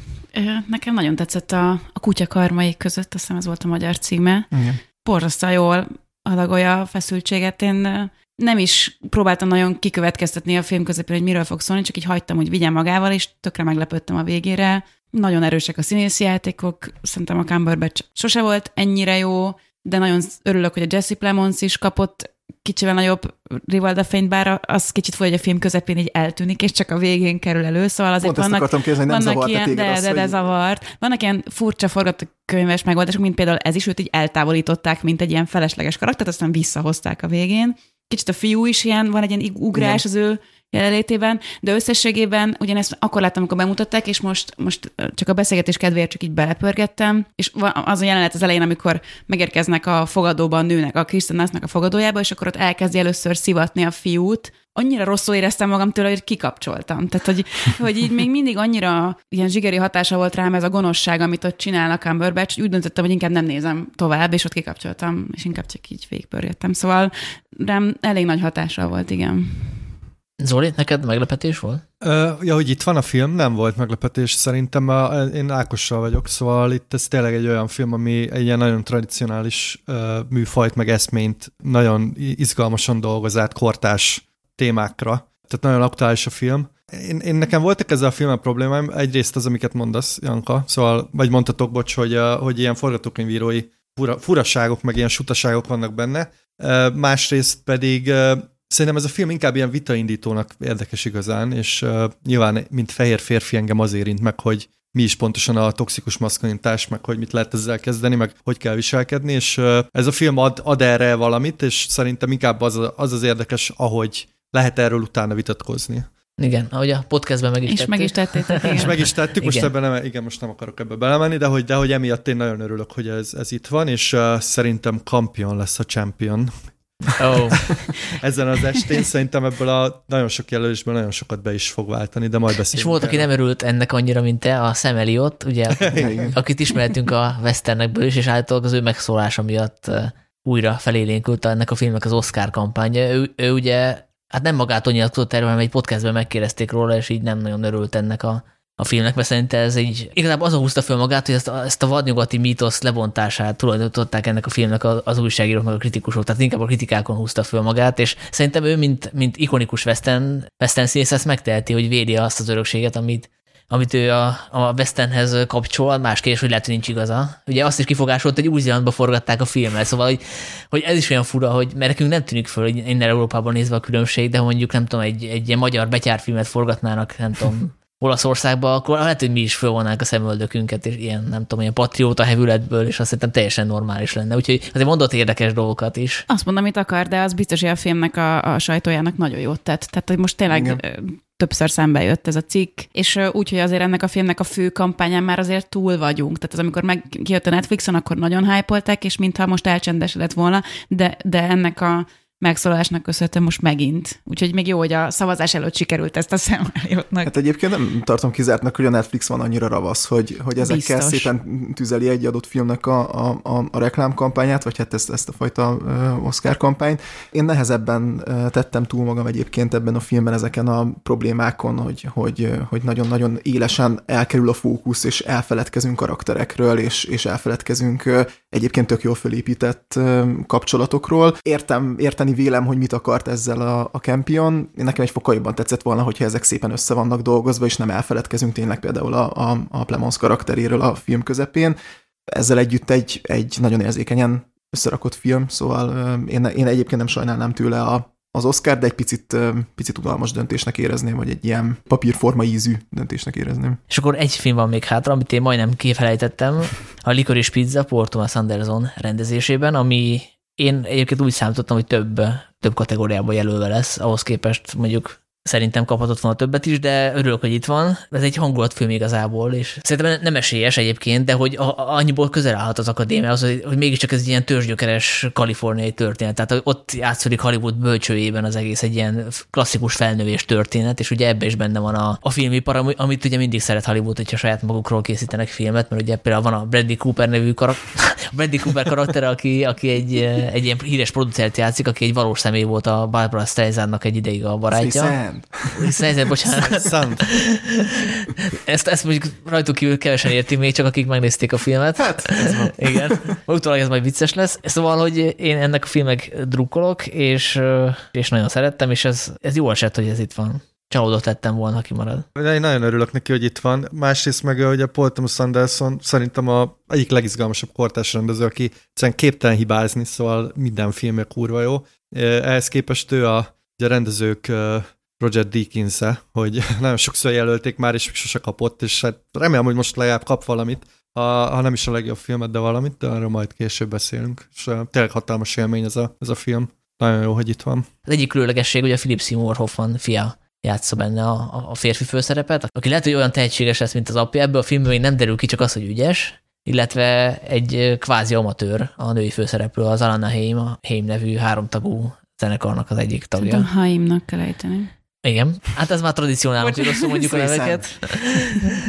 Meg hát szerintem az a különlegesebb a filmben, hogy, hogy itt nagyon sok uh, haverja, meg, meg ilyen ismerőse szerepel Paul Thomas Andersonnak. Tehát konkrétan játszik benne Leonardo DiCaprio apja meg, meg ilyen, ilyen, ilyen dolgok, és ezeknek a sztoriknak, amik itt ilyen mozaikszerűen felbukkannak, a nagyon nagy része igaz. Tehát tényleg volt egy ilyen japánul beszélő, vagy ilyen japán akcentus terültető üzletember, meg, meg ezek tényleg létező személyek és létező sztorik, hogy, hogy azokban mennyi az igaz, azt ugye nyilván már nem tudjuk, mert ugye ez a 70-es évek és San Fernando völgy, ahonnan egyébként a a rendező származik, de ugye ez egy erősen személyes, és ide kötném a Belfasthoz, hogy látjátok, lehet ezt jól is csinálni. Igen, mert azért ebből a, ebből a filmben nagyon átjön az életérzés, ami például Igen, a Belfastból nem, és, és, ez, és ez, ez ennek az egésznek a kulcsa, én azt gondolom, amellett, hogy tényleg nagyon jó elmerülni ebbe a világban, kizárólag vagy hát az, az alapján mondom, hogy én nem nagyvásznon láttam, nagyvásznon javasolt abszolút, és én meg is fogom nézni nagyvásznon is, mert, mert hihetetlen ereje van ezeknek a képeknek, elképesztő sodrása van ennek a filmnek. Picit talán másképp kell nézni, tehát ugye voltak ilyen, volt egyszer egy Hollywood flash abban az értelemben, hogy, hogy azért itt kevésbé a narratíva számít, hanem ahogy mondtad is, Zoli, ezek a mozaikok, és ezeknek a mozaiknak az egymásra épülése, és tényleg egy ilyen nagyon érdekes süppedés, sodródás ebben, a, ebben, az, ebben az izgalmas világban, szóval felemelő élmény volt nekem is. Én egyébként abban a szerencsés helyzetben vagyok, hogy 70 mm-ről láttam, uh. és elképesztő, és ugye nagyon jó a soundtrack is, tehát ilyen tényleg a nagyon klasszikus Doors, David Bowie, meg stb., és egyébként tényleg, tényleg egy ilyen, egy ilyen beleveszős élmény amiben így, így el lehet sodródni teljesen, és én imádtam, én meg is fogom még nézni, mert még szerencsére adják most ugye az Oscar miatt, és még mindig 70 millióra adják amúgy? Itt van egy mozi, ami, igen, tehát hogy így vetíti napi egyszer 70 mm-ről, még már, már lassan három hónapja, szóval szerint az emberek nézik, hogy a műsoron igen. tartják. Bécsben meg 35-ről vetítették eredetiben. Mondjuk én nem azt néztem sajnos pont, mert ugye jönni kellett haza. De én is egyébként gondolkoztam rajta, amikor megnéztem kint, hogy, hogy akkor majd kimegyek még egyszer, csak aztán kiderült, hogy eh, behozzák magyar moziba, úgyhogy én is várom, hogy újra nézzem. Úgyhogy... Egyébként sok energiát nem tettek ebbe a magyar forgalmazásba, tehát például nem fordították le a címet, szerintem 10-ből 8 ember meg bele fog törni a nyelve, hogyha erre a filmre jegyet akar venni. Igen, én is hallottam most egy podcastet, ahol, ahol így két verzióban használtak, és mind a kettő rossz volt. Az egyik a Licorice, vagy valami Licorice. az az olasz változat, igen. Igen, ti hogy fordítanátok rá, hogy? Hát a Licorice Pizza, bocsánat, én nem láttam a filmet, de nem egy ilyen lemezboltnak a neve? De hát ugye arra utal, hogy fekete. A bakelit lemez ugye az úgy lehet egy ilyen, hát hogy hívják ezt magyarul a likorist? Ilyen medvecukor? Vagy? Hát medvecukor, medve igen. Tehát hogy a fekete pizza. De hát szerintem ennek nagyon jó fordítása Hát én azt mondanám, hogy legyen amerikai pizza, vagy kaliforniai pizza, hát hogyha Ah. ilyen amerikai pita rajongók betévednek a moziba véletlenül. De egyébként hasonló a sztori, Igen, nem? igen. Meg, meg tényleg sokszor rá is játszik ezekre a, ezekre a coming of age sztorikra, meg ezekre a tini filmes dolgokra, amikor ugye van az előzetesben is benne van a akar, akarod látni a melleimet jelenet, és ezek tényleg ilyen, ilyen hihetetlen szórakoztató pillanatok. Úgyhogy, úgyhogy igen, akár, akár egy ilyen jellegű magyar címmel is szerintem lehetett volna segíteni ennek a filmnek. Kíváncsi vagyok, hogy mennyire fogja ez megütni a, a hazai közönség inger Hát küszöbét. remélem sokan látják az előzetest, ami most megy ugye nyilván a, a mozikba, mert azt szerintem kurva jó az előzetes. Jó az előzetes, Ráadásul úgy van megcsinálva. megnéztem, hogy már nem akarom többet megnézni. Hát, hát kár, hogy megnéztem, hogy nem lesznek meglepetések. És az a különlegessége benne, hogy a dalszöveg az pontosan rímel arra, ami éppen történik a, az előzetesbe.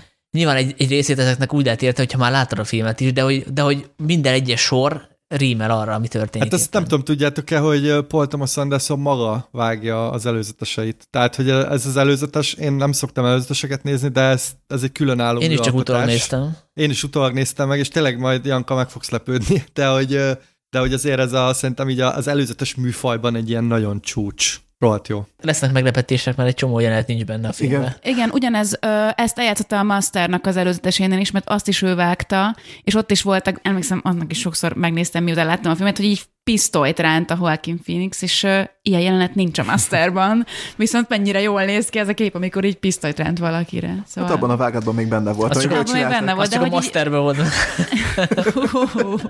Nem, aztán utána megkérdezték erről, hogy miért hagyta benne, és akkor volt erre valami trükkös magyarázat, szóval direkt rakta bele, úgyhogy tudta, hogy nincs benne a filmben. Mhm. Mm-hmm.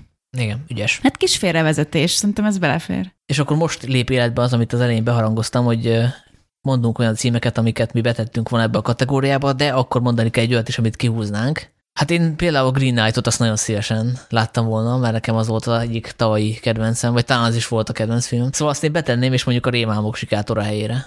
Jó döntés. Én a Lost Daughter-t írtam fel, hogy szívesen látnám itt. Nekem nagyon tetszett a Lost Daughter.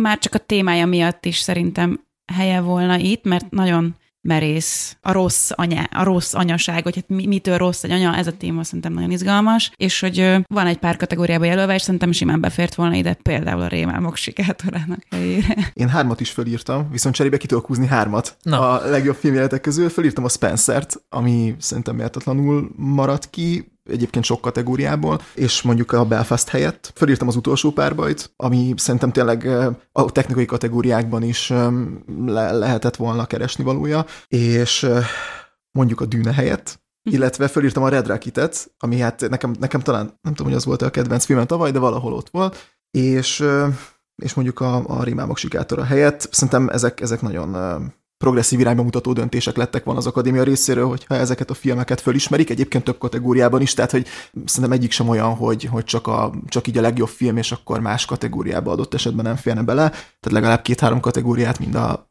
kategóriában mind a, vagy mind a három film bőven elfért volna az idei mezőnyben. Hát én ugyanezeket írtam fel, szóval ez most vicces, de a Green Knight-ot írtam fel, meg a Red Rocket-ot. De most, hogy mondtad Janka a Lost Daughter, szerintem is. Tehát, hogy nekem az nagyon tetszett az a film. Én, én kivenném a Belfastot meg a West Side Story-t. Nem is kell helyikre semmit tenni, vegyük ki.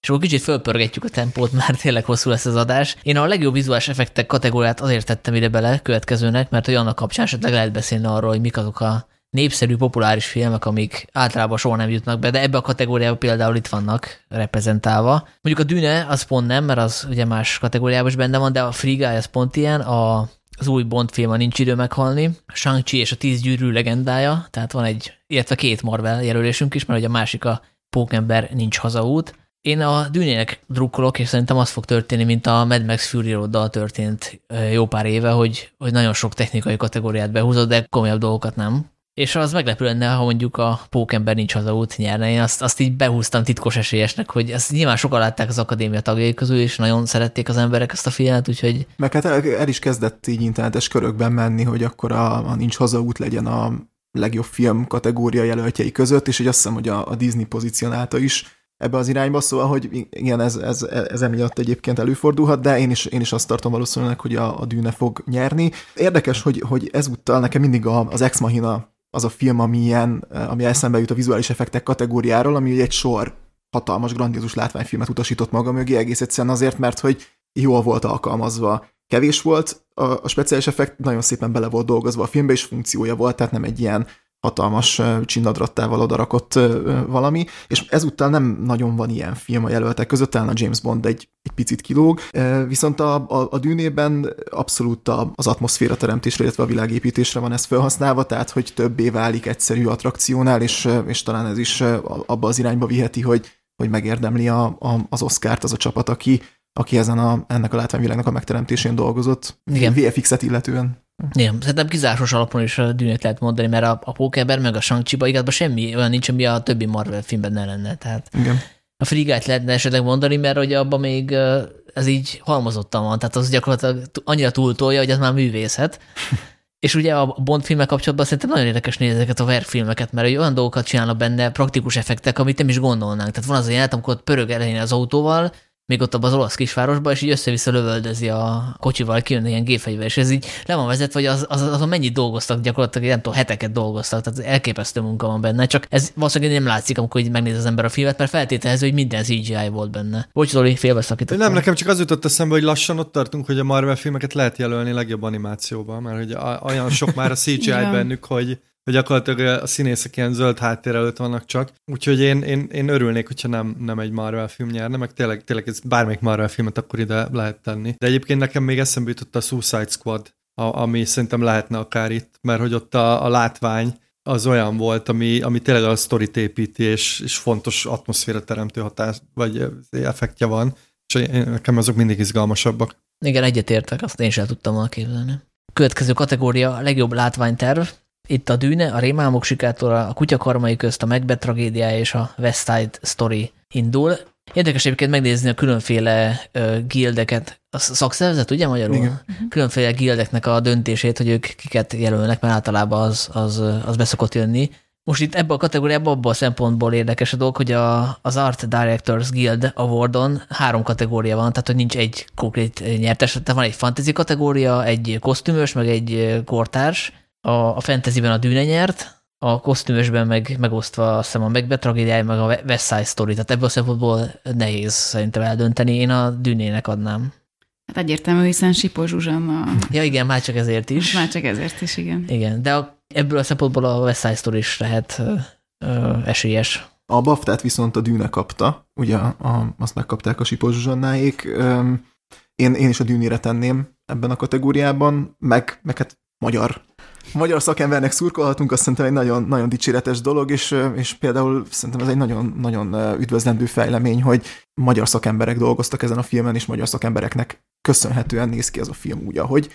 Úgyhogy uh, itt teljes mértékben megérdemelt lenne a dűn egy győzelme. Amúgy egyetek, én tök büszke jöttem ki a moziból. Én úgy jöttem ki a moziból, hogy ez egy fantasztikus uh, referencia magyar filmes szakembereknek. Tényleg ez volt az egyik első gondolatom, hogy ez nagyon menő. Igen, hát a 80 90 magyar nevek vannak a stáblistán. És ugye Villeneuve visszatérő vendég, mert ugye a Blade Runner is itt forgott, és én tudom, hogy nagyon elég, vagy így hallottam több helyről, ismerek momésokat, akik... Hát figyelj, kanadai vagy neked, de gyakorlatilag szomszédod. Hát tudod, igen, ez így megy. Szóval, hogy, hogy nyilván, nyilván ez, ez nagyon nagy büszkeség szerintem is. A legjobb kosztümben a Szörnyella, a Cyrano, a Dűne, a Rémálmok sikátora és a West Side Story indult. Ezek közül én a Sziránót és a szörnyelát sajnos nem láttam. A Sziránó ugye jön a magyar mozikba, arról jókat hallottam, úgyhogy én azt inkább moziban akartam megnézni, és a, a szörnyella az a, a papírforma szerint az esélyes, mert hogy a, a kosztüm designereknek a szakszervezete ezt választotta ki, és a utóbbi 24 alkalomból 22-szer az a film hmm. nyert, amelyiket ők kiválasztottak. Én ide egy méltatlanul hanyagolt ö, címet írtam fel, és az a Spencer, uh-huh. mert szerintem a Spencerben tényleg az érvényesül, hogy ezt hívják azt, hogyha egy ruhának ilyen karakterformáró ereje van, és nagyon hangsúlyosak ráadásul a ruhák ebben a filmben, és az már csak egy zárójel, hogy Jacqueline Durán csinált az kosztümöt, aki amúgy a Cyranoért Oscarra van jelölve. Tehát, hogy ha már valamiért Oscarra lehetett volna őt jelölni, akkor szerintem a Spencerért kellett volna. Igen, egyetértek, utoljára talán a Phantom szál volt az, ami ami ennyire épített a, a Jámesz tervezésre, csak hát ott ugye az egész film erről szólt, szóval nem volt egy különösebb meglepetés ez, de a Spencernél tényleg nagyon sokat elmondanak a ruhák, és, és azok, a, a, azok a, az eszközök, amiket, amiket rá tettek a, a, a színészekre. Úgyhogy, úgyhogy igen, ez egy fájó hiány. Én, én, itt, én itt azt tippelném, hogy a Dűna lendülete ki fog tartani ebben a kategóriában is, és, és, és, és, és ez, ez a film fogja kapni. És sajnos én se láttam se a szörnyelet, se a sziránút még, úgyhogy én itt amúgy azt tippeltem, hogy a Nightmare Alley fog nyerni. Hmm. Már pont azért, amit szóba jött korábban, hogy ez az ilyen klasszikus Hollywood iránt, iránti tisztelet meg a film noir, és hát azért nagyon hangsúlyosak ezek a nagyon szép ruhák a, a filmben. Én azt tippeltem, hogy ha valamit meg fog kapni, akkor ez az. Hát nincs kizárva. Nincs kizárva, de hát majd a szakszervezet eldönti, hogy ki. Legjobb smink és haj kategória bekerült, tegnap este betettem, mert úgy volt, erről nem beszélünk, csak megnéztem a Temi Fé személy című filmet, és annyira tetszett, amit ott műveltek a, a sminkesek, meg a, a fodrászok, hogy, hogy a, úgy gondoltam, hogy akkor erről beszéljünk. Nem tudom, hogy ezt a filmet egyébként bemutattak a magyar mozik, mert most látok egy magyar adatlapot, meg a Fórum hungary van írva for, forgalmazónak, de nem emlékszem, hogy lett volna. Akkor lehet, hogy be van tározva, és akkor... Igen. Hát attól teszik függő, hogy nyere Oscárt. Igen. Az Amerikába jöttem kettő, a Szörnyella, a Dűne és a Gucci ház van még ebbe a kategóriába. Úgyhogy én a Tembi fél szemeinek szurkolok. Én ugyanazt, pontosan ugyanezt csináltam, amit te, Sanyi. Tegnap beraktam a Temi fét, az első jelentben végignéztem a Jessica Chastain arcán, és azt mondtam, hogy fantasztikus, Oscárt neki. Tehát, hogy iszonyú jó ez, a, ahogy tokát raktak rájuk, meg így más alakú lett mind a kettőnek az arca. Hatalmas elismerés tényleg a sminkeseknek. És ugye az is jó, hogy működik a, ez a fajta sok minden sminkréteg, amit rápakolnak, mert sok esetben az van, hogy agyon van botoxolva a színészről, ráteszik, és már ilyen nagyon fura, ilyen kabuki színházszerű feelingje lesz az hmm. embernek. Ja, Nicole és, és ugye látjuk majd a Nicole kidman aki szerepel még itt a smoke beszélni, nála ez volt a probléma, hogy, hogy picit így elveszett a, a smink, smink alatt, és itt, itt meg végig a Jessica chastain láttam, hiába volt rajta az a sok minden, tehát hogy ez felerősített a produkcióját, nem elvett belőle. Én sajnos még nem láttam a Temi Fét, de most, hogy így ilyen lelkendezve beszéltek róla, én, én is rá fogok menni mindenképpen. Meg hogyha Andrew Garfield rajongó vagy, akkor is megy, és fontos szerepet kap benne. Igen, a Tick Tick Boom volt a kedvenc filmem tavaly. Nem.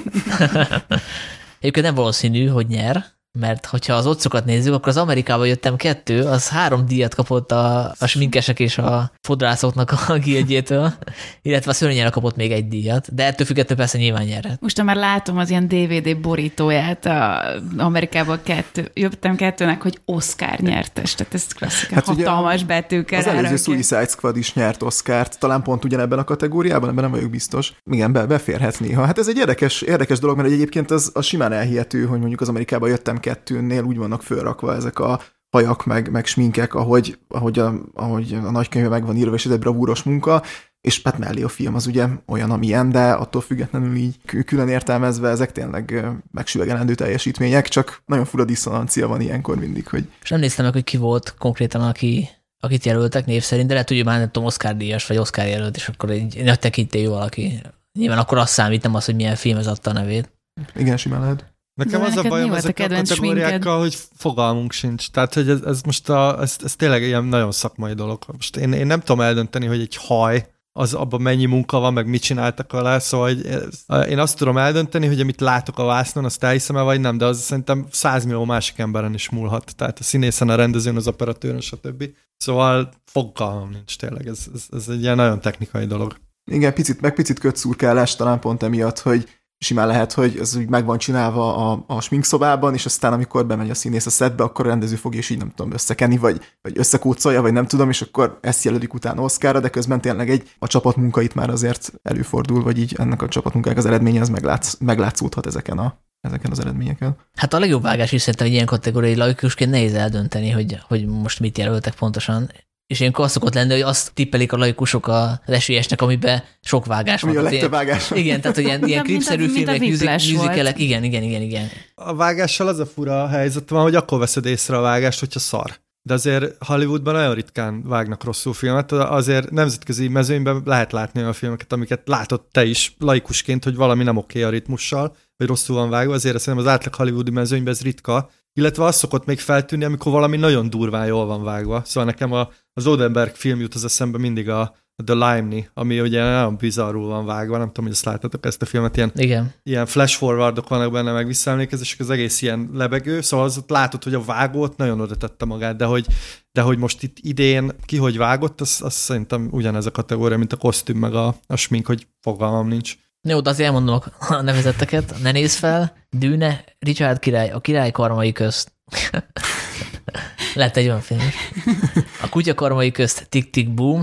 Hát mondjuk ebből a logikából kiindulva a Tick Boomnak kell nyerni, mert ugye az egy ilyen musical film, és nagyon sok vágás van benne. Én a Dűnének szurkolok, és esélyes is, mert hogy a, a amerikai vágók szakszervezete ezt szavazta meg, és az utóbbi 33 esetben 22-szer az nyert, amelyik, amelyik megnyerte a vágó kategóriát, bár az utóbbi 10 Oscaron viszont csak négy. Azért látszik, hogy te sok sportmeccset nézel, Sanyi. Igen, igen, igen. Én amúgy a King Richardra tippeltem, mert hogy sportfilm, a teniszt nagyon jól lehet vágni, amúgy is egy nagyon ritmikus sport, és ezt sokszor ki is használják a filmben. Én arra tippeltem, de azért, mert ez tűnik a legtechnikásabb vágásnak, amit az Oli mondott, hogy mm, csak a Whiplash tudom felhozni, annál tök egyértelmű volt, hogy Oscar-t fog kapni a vágás, mert az a vezető stílus elem a filmben, az, hogy jazzre van vágva. Én is King Richard párti vagyok, már egyrészt ezt is, ezt is tippelném, hogy, hogy ez fog nyerni, másrészt meg én, én annál éreztem azt, amit Zoli mond, hogy fú, de baromi jól van vágva ez a film, és nem csak a, nem csak a teniszmeccseknél, hanem, hanem tényleg az a fajta fluiditás, amiről már beszéltünk, az, hogy, az, hogy mennyire, mennyire szépen egybe van tartva, nincsenek, tehát hogy na, nagyon jók az átkötések benne, nagyon jó az egésznek a ritmusa, és még emellett tényleg a, a teniszmeccseket is meg tudják úgy vágni, hogy az ne, ne egy tévé közvetítést juttasson az ember eszébe, hanem tényleg dramatikai erővel telítődjön, szóval én, én ennek a filmnek örülnék, és én egyébként erre is tippelnék, de aztán lehet, hogy ebből tényleg a, a dűne lesz például. Nekem amúgy eszembe jutott egy film, ami szerintem nagyon jó volt vágva, azért, mert nagyon jó volt a ritmusa, ez a Red Rocket, ami teljesen hiányzik Igen. az idei mezőnyből. Ugye ezt, ezt maga Sean Baker vágta, és hogyha így most csak elkezdtem gondolkozni ezen délután, hogy, hogy mégis melyik volt, aminek így a ritmusa megragadt, és az, az, az a Red Rocket, tehát hogy ott szerintem nagyon jó a flowja a filmnek.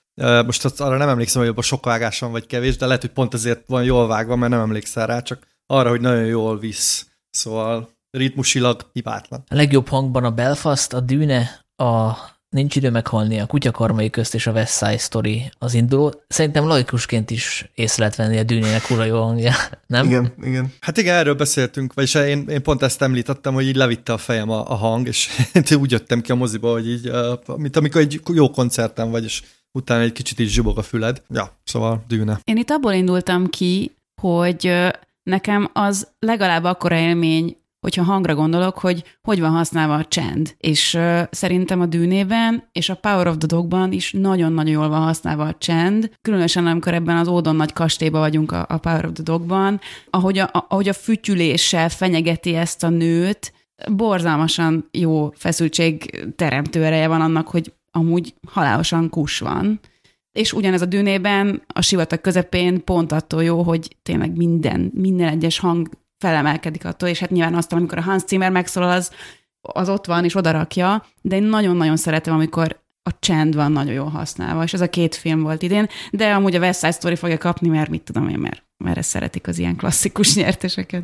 Én, én egyébként megtenném a dűnét ebben a kategóriában, pontosan már az említett technikai dolognak köszönhetően, hogy ez lehet az idei év Mad Max Fury, Fury meg, meg itt egyébként tök nagyon nagy tér van azért kielni, ahogy mondod, a csendektől kezdve az ilyen eszméletlenül hangeffektelt akciójelentekig, szóval nagyon, ez nagyon-nagyon tisztességesen van megcsinálva, és most már ugye azt hiszem, hogy korábban volt hangvágás és hangkeverés, és most már ez van így egy kategóriába rakva. Én, én itt, én itt dűnepárti vagyok.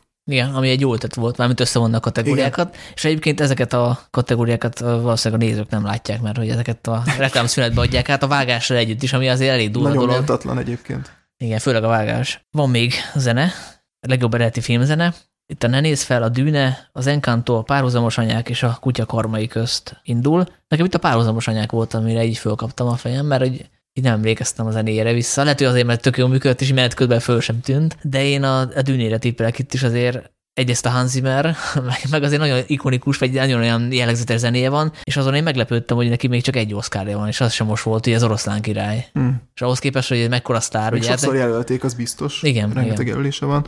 Nekem itt van az a helyzet, amit talán te mondtál, Janka, hogy valaki jelölve van, de nem azért a filmért, amiért úgy igazán megérdemelni, ez Johnny Greenwood a Radioheadből egyébként, akit én a Spencer zeneszerzéséért tartanám nagyon-nagyon méltónak a, a díjra is, és ugye a kutya karmai közöttért van jelölve.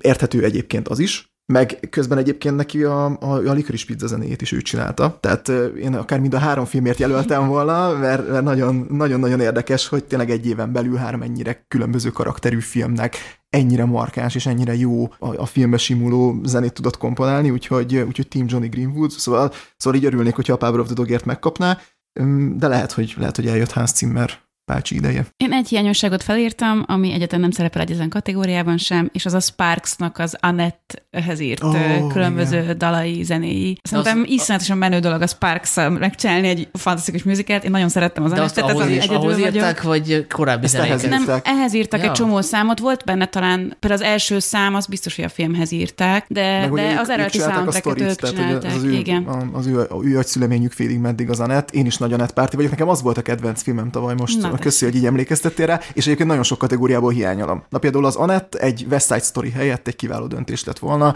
és akkor azt mondom, hogy ez tényleg az a fajta progresszív gondolkodásmód, mert hogy az, az Anett egy ilyen eszméletlen nagy troll musical, és, igen. és szerintem abszolút helye van, nem csak ebben a kategóriában, hanem jó sok másban is, igen. Zoli? Hát én ugyan, ugyanúgy vagyok kezdve is, mint a vágással, hogy most nem tudom mi a jó, hogyha feltűnik a zene, vagy ha nem tűnik fel a zene, mert ugye, ha nem tűnik fel a zene, azt jelenti, hogy nagyon a helyén van. Ha meg nagyon feltűnik, akkor meg lehet, hogy nagyon jó a zene, csak leugrik. Szóval nekem például Hans Zimmerrel, Zimmerrel rendszeresen ez a problémám, hogy egy kicsit túl, túl van tolva, viszont például a Dűnénél pont nagyon jól működött, úgyhogy szerintem ő fog nyerni, de egyébként én is a Greenwood. De szerintem ő, ő, amit csinál zeneszerzésleg, és most nem csak idén, hanem, hanem amilyen zenéket csinál, azt hiszem rohadt izgalmas, és általában nagyon-nagyon jól szolgálja a filmet, és Ákos tök igazad van, hogy, hogy mindig tud a sztorival menni, tehát hogy tök más zenéket tud csinálni, úgyhogy ő, ő érdemelné meg, de, de szerintem ez, ez most a dűne lesz. Ilyen, igen, ez a Mad Max Fury Road effekt lesz szerintem is hogy itt mindent be, be, behúz. A legjobb eredeti betét dalba szerintem megint nem vagyunk szakértők, bár igazából itt az a kritérium, hogy tetszik-e, vagy belemászik a fülünkbe, vagy sem. Itt a Richard királyból van a Be Alive, egy alig ismert előadó Beyoncé száma. Az Encantóból is van a Dos Oruguitas, amivel kapcsolatban mindenki megjegyzi, hogy, hogy nem a jó számot jelölték, mert hogy ott a a Brunós az, ami nagy siker lett, mm-hmm. tehát az TikTokon nagyon sokszor feldolgozták, tehát ez az igaz ilyen kultikus szám lett. Két napja láttam egy kocsma falára fölírva, hogy we don't talk about Bruno. Igen, szóval akkor ez egy tökéletes illusztráció. Mémesedik, mémesedik szépen.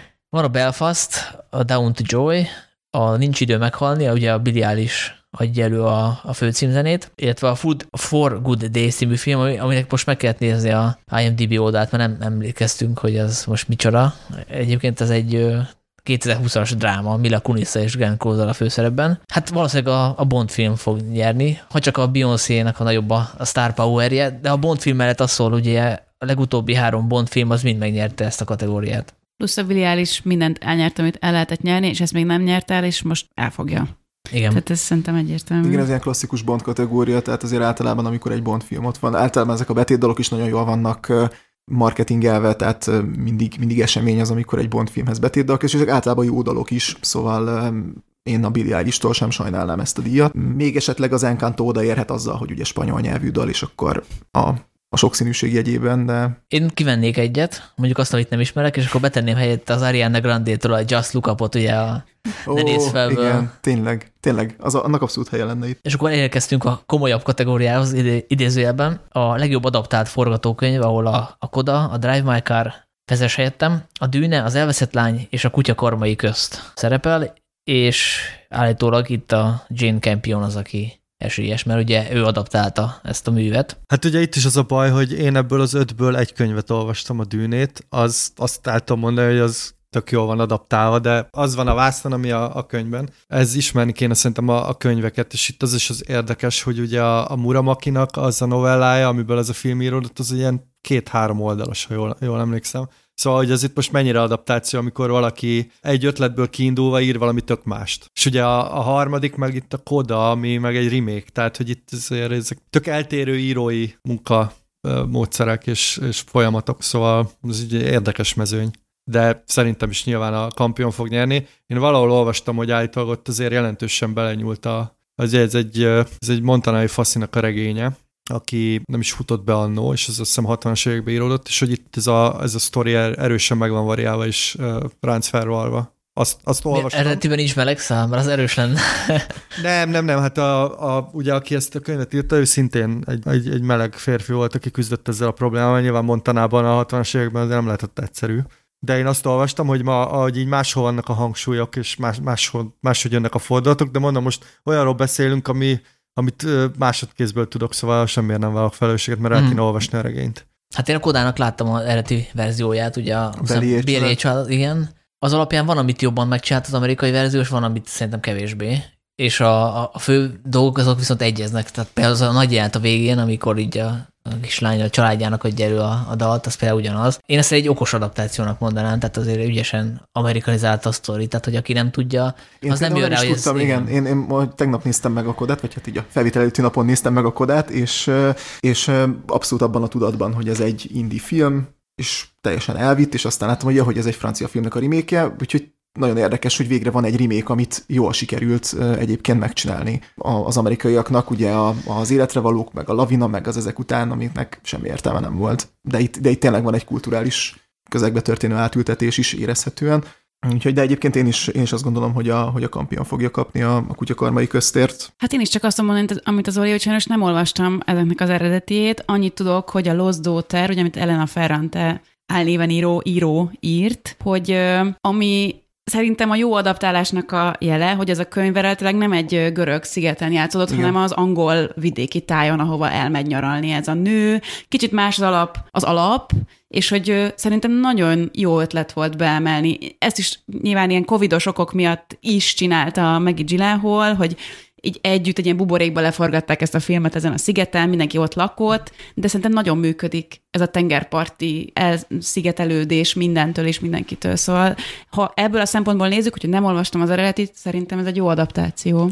Meg egyébként forgatókönyv, valószínűleg az is forgatókönyv szinten dől el, hogy hogy van adagolva a múltbéli szál és a jelenbeli szál, és ez nagyon erős abban a filmben. Mondom ezt úgy, hogy például engem a, a babás vonal az rémesen ledobott és idegesített, ez nekem egy annyira direkt és túl direkt megoldás ja, játékban volt. Van. Igen, mm-hmm. igen, és, és, az, és ott indokolatlan nagy figyelem van szentelve annak a babának is, úgyhogy egyébként mindent értek a karakterből, anélkül is. Nem tudom, én sem ismerem sajnos az eredeti művet, nem tudom, hogy ez abból fakad-e, de, de azt viszont kétségtelen, hogy a, ez, a, ez az ugrálás a jelenés múlt között, az, az fantasztikusan van megoldva benne, és ez szerintem már a könyv szinten ott kellett, hogy legyen, ahhoz, hogy ez, így, ez, ez, ez ilyen legyen a vásznon. Hát meg, hogyha onnan nézzük, hogy ebből az ötből ezek után mit akarok elolvasni, az nekem egyetem a Lost Daughter, szóval azt a regényt akarom ez a film után elolvasni. Most ebből semmire nem lehet következtetni, csak mint érdekesség mondom, hogy hogy én, én, én neki szurkolok. Köszi Zoli, én meg a kutya karmai kösznek, és szerintem az is esélyes. A legjobb eredeti forgatókönyv, az talán már jobban hozzá tudunk szólni. Itt ugye a Belfast, a Ne néz fel, a Richard király, a Licorice Pizza és a világ legrosszabb embere szerepel, és itt szerintem az abszolút meglepetés a világ legrosszabb embere. Tehát ebbe a kategóriában azért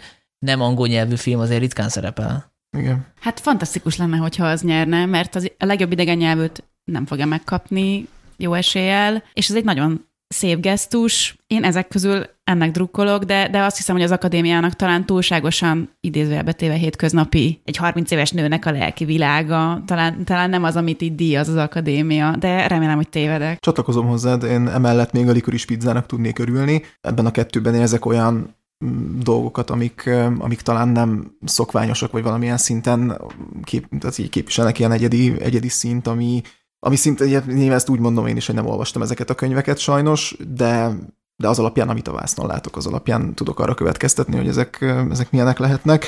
De én, én egyébként a, a, a ne néz felre tippelnék, mint, mint, mint főesélyes ebben a kategóriában. Szeretik az Eden McKee forgatókönyvét, talán már kapott is a forgatókönyvekért díjat. Azt nem tudom, hogy az alelnökért kapott, de a nagy dobásért biztos. Igen. Én annyira pessimistán állok az akadémiát, hogy szerintem a Belfast fogja kapni. Gyereksztori a mozi szeretetéről szól, az otthon szeretete, az elszakadás, tökéletes nyerési. Hát ja, az ilyen igazi Oscar bait. De Igen, egyébként az... nekem az jutott eszembe, hogy ugye a kategória neve az, hogy legjobb eredeti forgatókönyv, és akkor a, amit eredeti, az, az szerintem a, a likoris pizza, mert hogy az, az egy ilyen tök jó sztori, és tök érdekesen van elmesélve, és hát a világ legrosszabb embere. Úgyhogy remélem ez a kettő valamelyik behúzza, de szerintem ami nagy hiányzó, az a pig, mert hogy a, az egy nagyon eredeti sztori, nagyon eredeti ötlet, szerintem nagyon jó. Nem olvastam a forgatókönyvet, de ami a vászonra került, abból arra következtetek, hogy az egy, az egy tök izgalmas forgatókönyv lehetett, úgyhogy én azt jelölném ide. Mondjuk, Ez a aki... Nicolas Cage féle pig, igen, igen, igen. Azért mondom, hogy artikulálva, mert szok kaptunk most ilyen visszajelzést, hogy nem mondjuk el a címeket elég sokszor és elég érthetően. Pig, mint disznó. igen.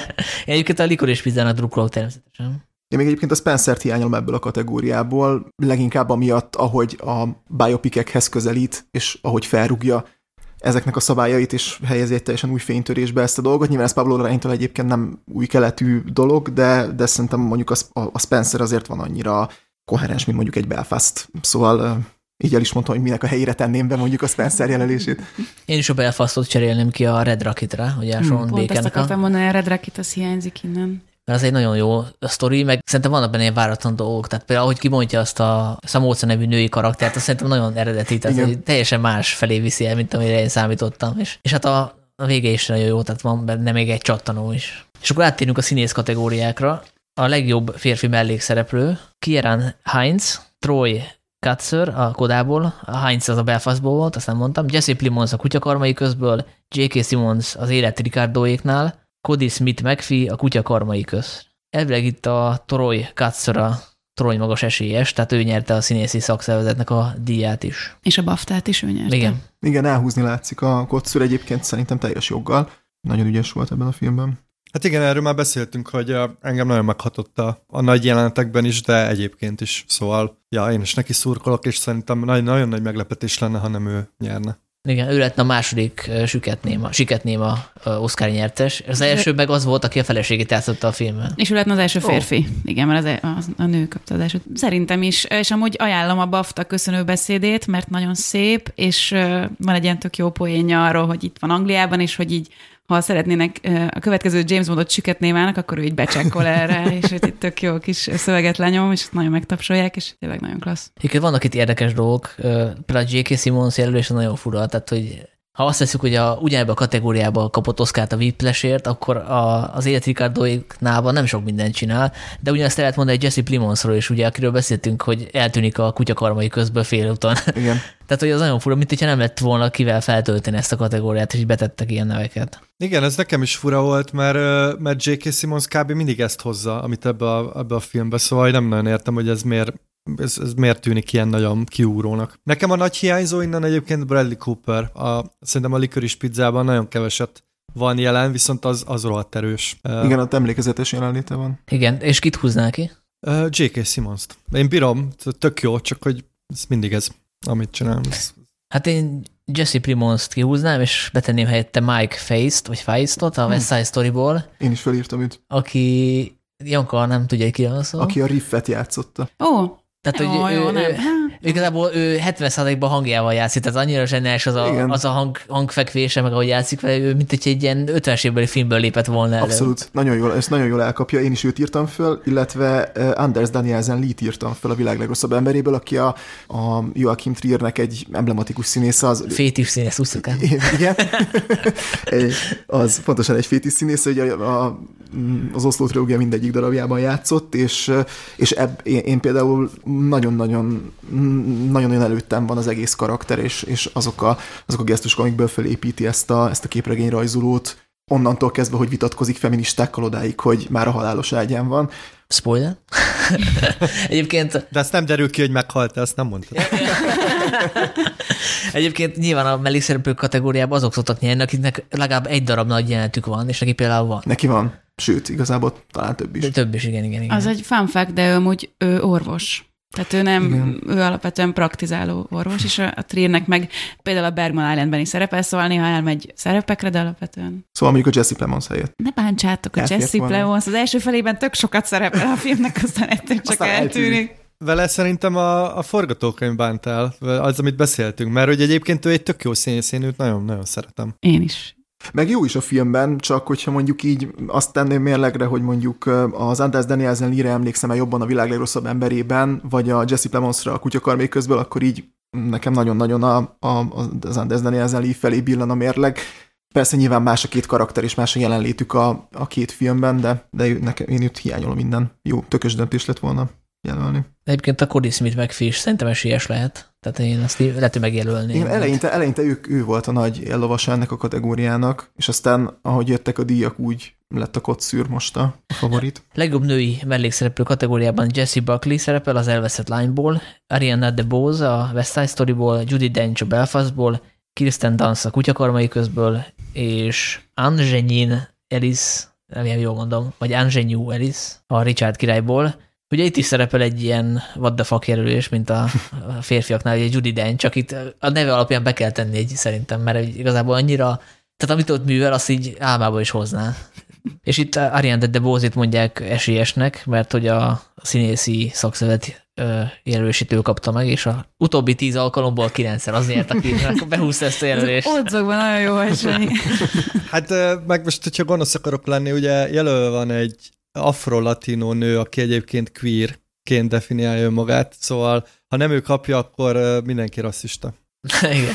Ö, úgy tűnik, hogy én vagyok ö, ebben az adásban a Lost Daughternek a, az átlóvivője. Én nagyon hiányom minden Dakota Johnson-t. Szerintem Igen. iszonyú jó volt a Lost Daughterben, nagyon jól működtek az Olivia Colmannel, elképesztően kiismerhetetlen, egyszerre van benne valami ijesztő, közben az Olivia Colman szemszögében is van egy ilyen furcsa kapcsolat közöttük, hogy saját magát látja, de félti. Szóval nagyon-nagyon jó volt a Dakota Johnson, de azt Ö, hiszem... Bocs, Janka, nem te vagy az egyedüli, mert hogy én Dakota Johnson-t írtam fel ide, szóval veled vagyok. Bocsánat, nem akartak. Semmi gond. Én amúgy a Jesse Buckley-nak drukkolok, nyilván mert Lost Daughter, de hogy nem tudom, nagyon jól rendezte meg ezeket a nőket a Maggie Gyllenhaal. Szuper jó a Jesse Buckley, szerintem torony magasan ebből a kategóriából, úgyhogy Judy csodás volt, de, de Jesse Buckley szerintem nagyon szép lenne, ha behúzná ezt a díjat. Én is Ariánának drukkolok, mert Zoli meggyőzött, és nem akarok rasszistának lenni.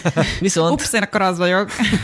viszont Judy Dench betenném Katrine Balfot, aki a Belfastban az anyukát játszotta. Uh-huh. Szerintem ő tök jó volt. Egyébként úgy néz ki, mint egy ilyen ír Jennifer Lawrence néhol, bizonyos fénytörésből, és szerintem teljesen abszurd, hogy helyette Judy Dench került be, aki sokkal kevesebbet csinál. De ő kb. női főszereplőbe mehetne, mert olyan női főszereplő. Hát gyakorlatilag igen, igen. Nekem az jutott eszembe, hogy mondtad a Dakota johnson hogy a szürkőtön árnyalatos színészeinek még kell egy picit várniuk, hogy, hogy jelölve legyenek. Ugye az alkonyatnál már megvolt ez a rehabilitáció, most már akkor most majd, most majd ők fognak következni. Egyébként a Jesse Buckley-nak én is örülnék, és szerintem is az Arena DeBose fogja kapni.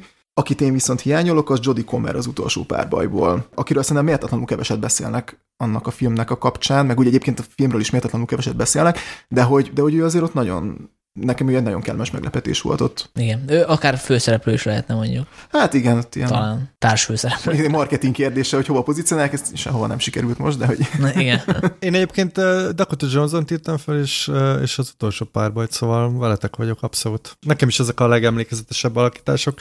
Egyébként a, az elveszett lány azt szerintem abban a szempontból érdekes, hogy ugye mondtátok ezt, hogy a Covid miatt uh, hogy forgatták, és hogy én olvasgattam interjúkat most a Jesse Buckley-val, és mondta, hogy ilyen, uh, ilyen kis családként működtek. Uh, és szerintem ez nagyon izgalmasan tetten érhető filmbe, és szerintem az ő alakítása az azért különleges, mert hogy egy alapvetően nagyon ellenszenves, vagyis hát társadalmilag elítélt karaktert kell nagyon sokféle fénytörésben megmutatnia, úgy, hogy ráadásul elvileg az anyja, vagy a, elvileg a, a későbbi énje is szerepel a filmben, aki nem más, mint a, az Olivia Colman, és ezt ráadásul úgy oldották meg, hogy direkt nem hangolták össze a, szerepeiket, hanem úgy voltak vele, hogy majd ezt a, a film nyelv az úgy is összerakja, úgyhogy tök jó lenne, ha ő nyerne. Ő, ő mindig nagyon friss és nagyon izgalmas alakításokat hoz. Ha megnéztek, hogy miket, miket játszott, mindig ilyen elég komplex női figurákat, tehát ő még 32 éves, szóval ő még szerintem sok, sok diátodon, vagy sok Oscar jelölést fog be, begyűjteni. Legjobb női főszereplő kategóriában Jessica Chastain a Temi Fény személyből, Olivia Colman az elveszett lányból, Penelope Cruz a párhuzamos anyákból, Nicole Kidman az élet Ricardoéknál, ból,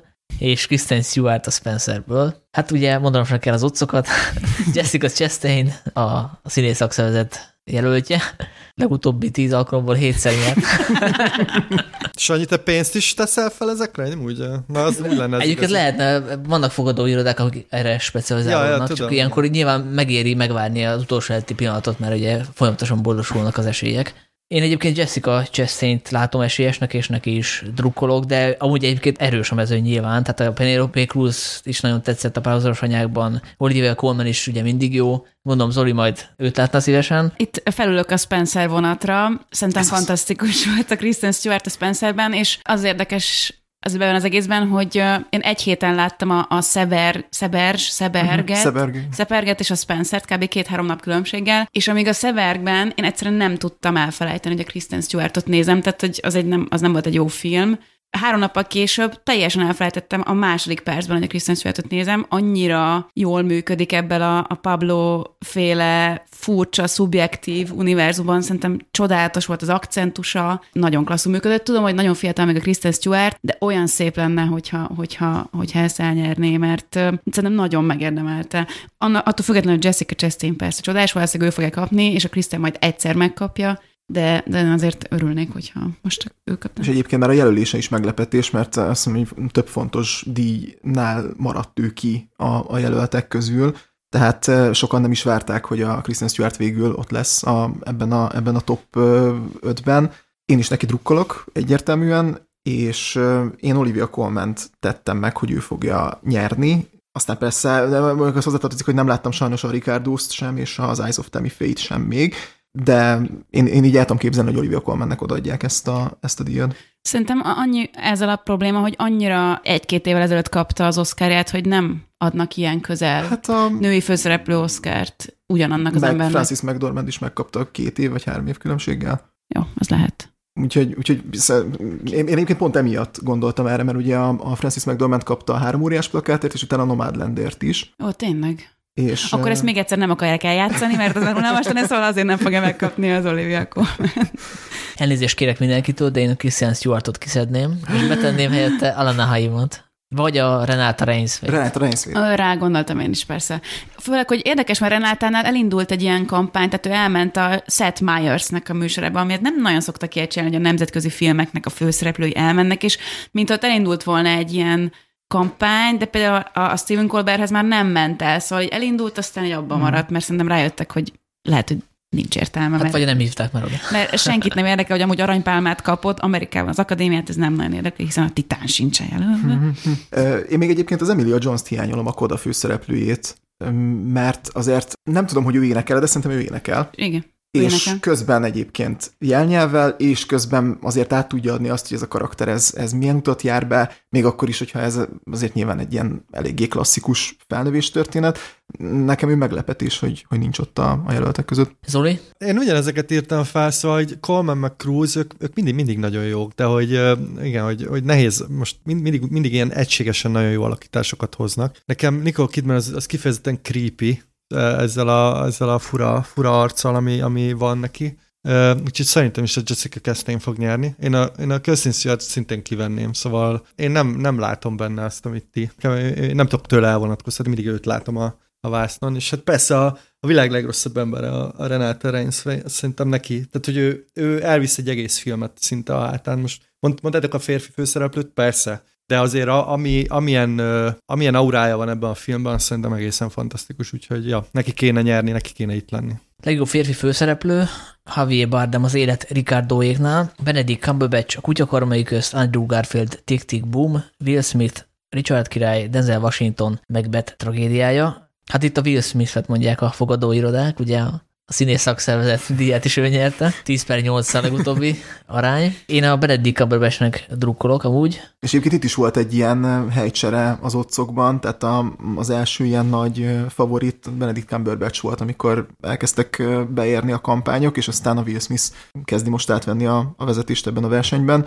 Én egyébként mind a kettőknek örülnék, bár a King Richardnál, amikor láttam a végén, hogy, hogy hogy nézett ki a, a fater, akkor így mindig azon gondolkodtam, hogy miért nem az Idris Elba játszott a basszus, de nyilván az lett van az evidens döntés. Minden esetre én, én, én kettőknek egyébként abszolút örülnék. Én Simon Rexet hiányolom ebből a kategóriából. Red Rocket főszereplője. Ja, köszönöm szépen. Szintén azt igazolta volna nekem, hogy van öniróniája az akadémiának egy ilyen expornós, Horrorra akadva sztár. meg Vice huszár, tehát az egész nagyon, nagyon jó lett volna, hogyha Simon ott van, de én a Benedictnek drukkolok. Megérdemelni, abszolút. Egyébként a Javier Bardem is tök jó volt szerintem a, az ilyet Ricardoéknál van, amiről egyébként nem beszéltünk, mert ez ilyen tipikus amerikai dolog, hogy a ottani kultikus sorozat az I Love Lucy-nak a keretkezés történetve oda visz vissza, tehát hogy valószínűleg ez a magyar nézőket kevésbé mozgatja meg, de ugye Aaron Sorkin neve az talán már igen az elnök embereinek az író rendezője, hogy ő csinált egy filmet, és a Bardem az kvázi ellopja a show szerintem. Bár a Nicole Kidman is tök jó, de szerintem ő is erős, csak hát meghére most a, a többi előtt is erős, úgyhogy ezért. Zoli, te meg ugye el akarod mondani, hogy Nicolas Cage-et be akarod tenni. A, tényleg ezt akartam elmondani. Szerintem Nicolas Cage, de hát ugye már ő Oscar Díaz színész, tehát most kapjon olyan, aki Minek neki még egy. Hát ez nem most volt már az, az Oscar Ez nem most volt, és nem ilyen ér. De nekem ugyanaz, mint Simon Rex, tehát Nicolas Cage is szerintem önironikus. Ezek, ezek tök izgalmas alakítások. Szóval nekem a, a Will Smith féle színjátszással az a problémám, hogy, hogy mondjam, szóval én abban nem látok olyan nagyon nagy mélységet. Tehát az, hogy megtanulsz egy karaktert, ami Nyilván, nyilván biztos sok munka van benne, nem vagyok színész, tehát nyilván itt iszonyat sok meló van benne, meg, meg nagyon oda kell tenni magad, de szerintem sokkal izgalmasabbak és kockázatosabbak az ilyen Red Rocket féle dolgok, amikor tényleg így Hát egyrészt ő tartja a filmet a vállán, másrészt ugye aki ott volt a Q&A-n a Cinefesten, az tudja, hogy egy pár hét korábban ugrott be a szerepre, ugye autentikus helyszíneken forgatnak, stb. stb. Szóval hosszan lehetne sorolni, hogy miért, miért neki kéne itt lenni, és miért neki kéne nyerni. De hát igen, ez az akadémiának nem olyan az ízlése, mint a miénk. De én egyébként egy, én egy Adam Driver jelölést hiányolok ebből a kategóriából. Az mm. Anettért szerintem bőven megérdemelte volna nem csak azért, mert hogy éneklős szerep, és nem tudom, de hogy, de hogy a, ott, is, ott is egyébként egy picit ez érvényesül, mint a Simon Rex és a Red Rocket esetében, hogy ő ennek a filmnek a motorja. És amikor esetleg nem látjuk az Adam Driver-t abban a filmben, akkor sokkal kevésbé elvezetes nézni, mint amikor ő ott van, és ilyen hihetetlen energiával viszi végig ezt az ilyen ez tényleg hihetetlen trollkodást, amit, amit megálmodtak a Sparksék, meg a Hát meg micsoda őrület van ebben, hát micsoda egy leépülés történet Igen. az egész anet, hogy olyan egy ilyen viszonylag pozitív szereplőként kezdi, és ahova eljut a végén, hát Igen. az elképesztő. Igen. A legjobb operatőr kategória érdekessége, hogy tök ugyanazok vannak benne, amik a legjobb látványtervben. Tehát hogy ugyanaz a négy, illetve öt cím. A Dűne, a Rémálmok sikátora, a Kutyakarmai közt, megbe tragédiája és a West Side Story, és elnézést az operatőrtől, hogy név szerint nem említem őket, de sietünk. Szerintem a Dűne esélyes itt is, illetve talán a West Side Story még, ami, ami labdába rúghat. Én a Dűnének drukkolok a magam részéről. Hát én a kutya karmai közöttnek drukkolok, már csak azért is, mert egy női, női operatőrről van szó, Igen. és nagyon ritkán nagyon, ez szerintem nagyon méltatlan dolog. Ugye a rendezőknél mindig szó, gyakran beszélnek erről, hogy, hogy milyen kevés női rendezőt jelölnek, meg stb. stb., de operatőrnél még kevesebbet, pedig rengeteg jó női operatőr van. És hát akkor nevét is mond egy Ari Wegner, és én remélem, hogy ő fog nyerni, és szerintem egyébként esélyes is. Én is neki drukkolok, Ari Wegnernek, már csak azért is már nagyon érett egy ilyen jelölés, és ide raknám méltatlanul hanyagolva a Spencer operatőrét, aki szintén nő, Claire Mattonnak hívják a Spencer operatőrét, nem kell hangsúlyozni ismét milyen csodálatosan van felvéve az a film. Amúgy ő vette fel a portré a lángoló fiatal lányról is, meg hát csodálatos filmeket fényképezett, úgyhogy ott azért ért volna egy jelölés szerintem. Én, én a dűnét operatőri szempontból jó most a látvány elemeket leszámítva nem feltétlenül érzem erősnek, tehát ott nagyon sok ilyen fantáziátlan snittan snit megoldás van benne, én legalábbis ezt gondolom. Én is Ari Wegner szurkoló vagyok ebben a kérdésben, és nagyon hiányoltam a Paul Thomas Anderson és Michael Bauman jelölését a Licorice pizzáért, mert ez a film az úgy oda van téve képileg, hogy az valami elképesztő.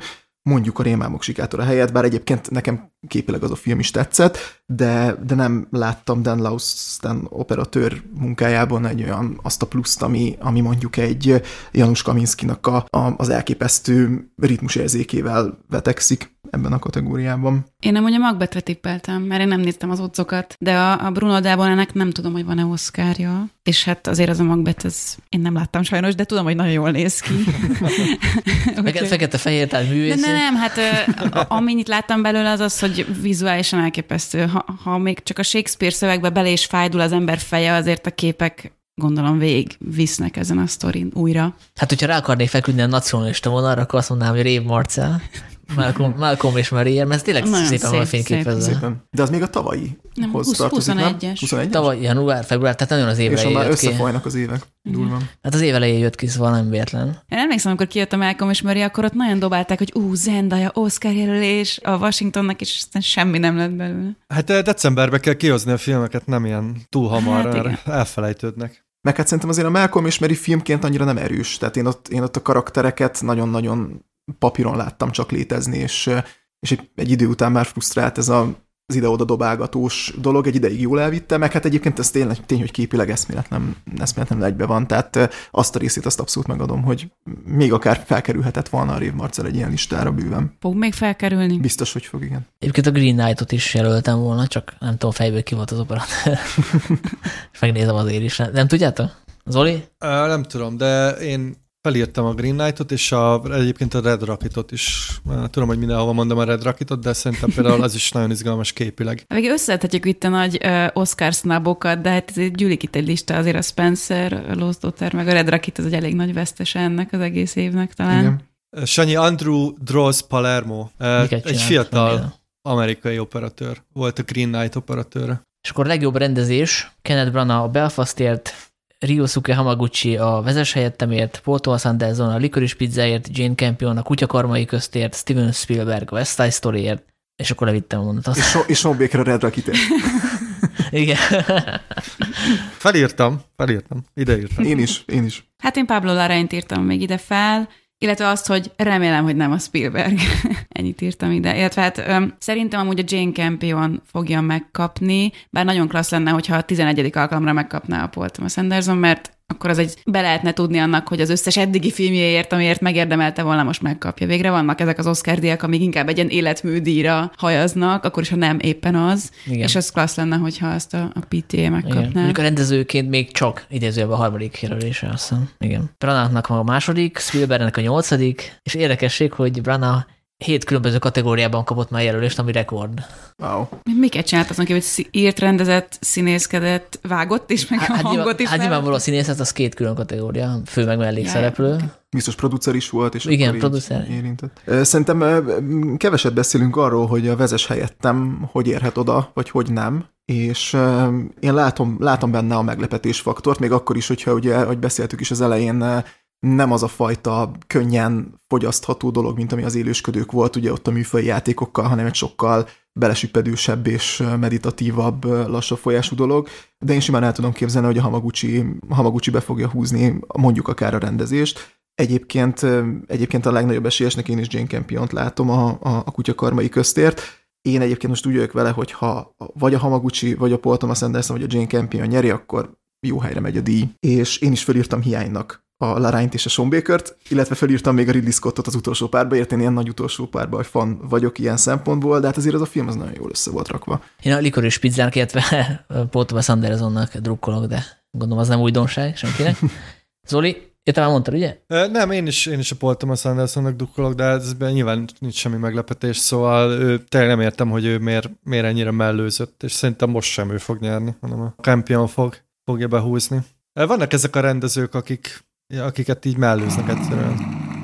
And the Oscar goes to.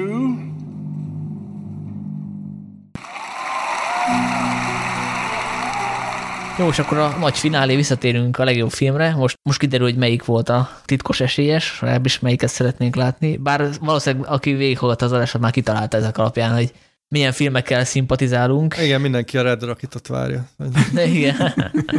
igen. Hát a fogadóirodák nyilván a kutyakarmai közre tesznek, de ilyenkor szokott, szoktak pofára esni szerintem, mert hogy ilyenkor jön valami nagy meglepetés, és egyébként lehetséges az is, hogy az a film nyer ebbe a fajta szavazási rendszerbe, ahol, ahol ugye ezt Zoli elemeztük egyszer, mi ennek a neve ennek a szavazási rendszernek, hogy van valami szakneve. Uh, hát én nem, nem tudom, már nem emlékszem a nevére. Az lényeg, hogy nem, nem, nem csak egyszerűen összeadják, és a legtöbb nyer, hanem ilyen részszavazatok is vannak. A, Igen, sokat számít, hogy kivezet második helyen, harmadik helyen. Tehát, hogy a, gyakorlatilag is súlyozzák a, a súlyozott szavazat, szavazás, szerintem az a talán legközelítőbb megnevezés, tehát, hogy az is számít, hogy melyik film hanyadik helyen van. Szóval egy film, ami második helyen van sokat, az meg nyerhet úgy, hogy megelőzi azt a filmet, ami első és utolsó helyeken szerepel. Igen. Szóval, hogy a kevésbé megosztó filmeknek szerintem van esélyük, és a kutyakarmai közt azt szerintem ebből a szempontból egy picit megosztó, mert tényleg mégiscsak hogy hozzányúl az amerikai mítoszhoz, meg kényelmetlen kérdéseket tesz föl, meg belevisz olyan témákat ebbe az egész műfajba, amit esetleg a műfajnak a rajongói annyira nem szoktak meg.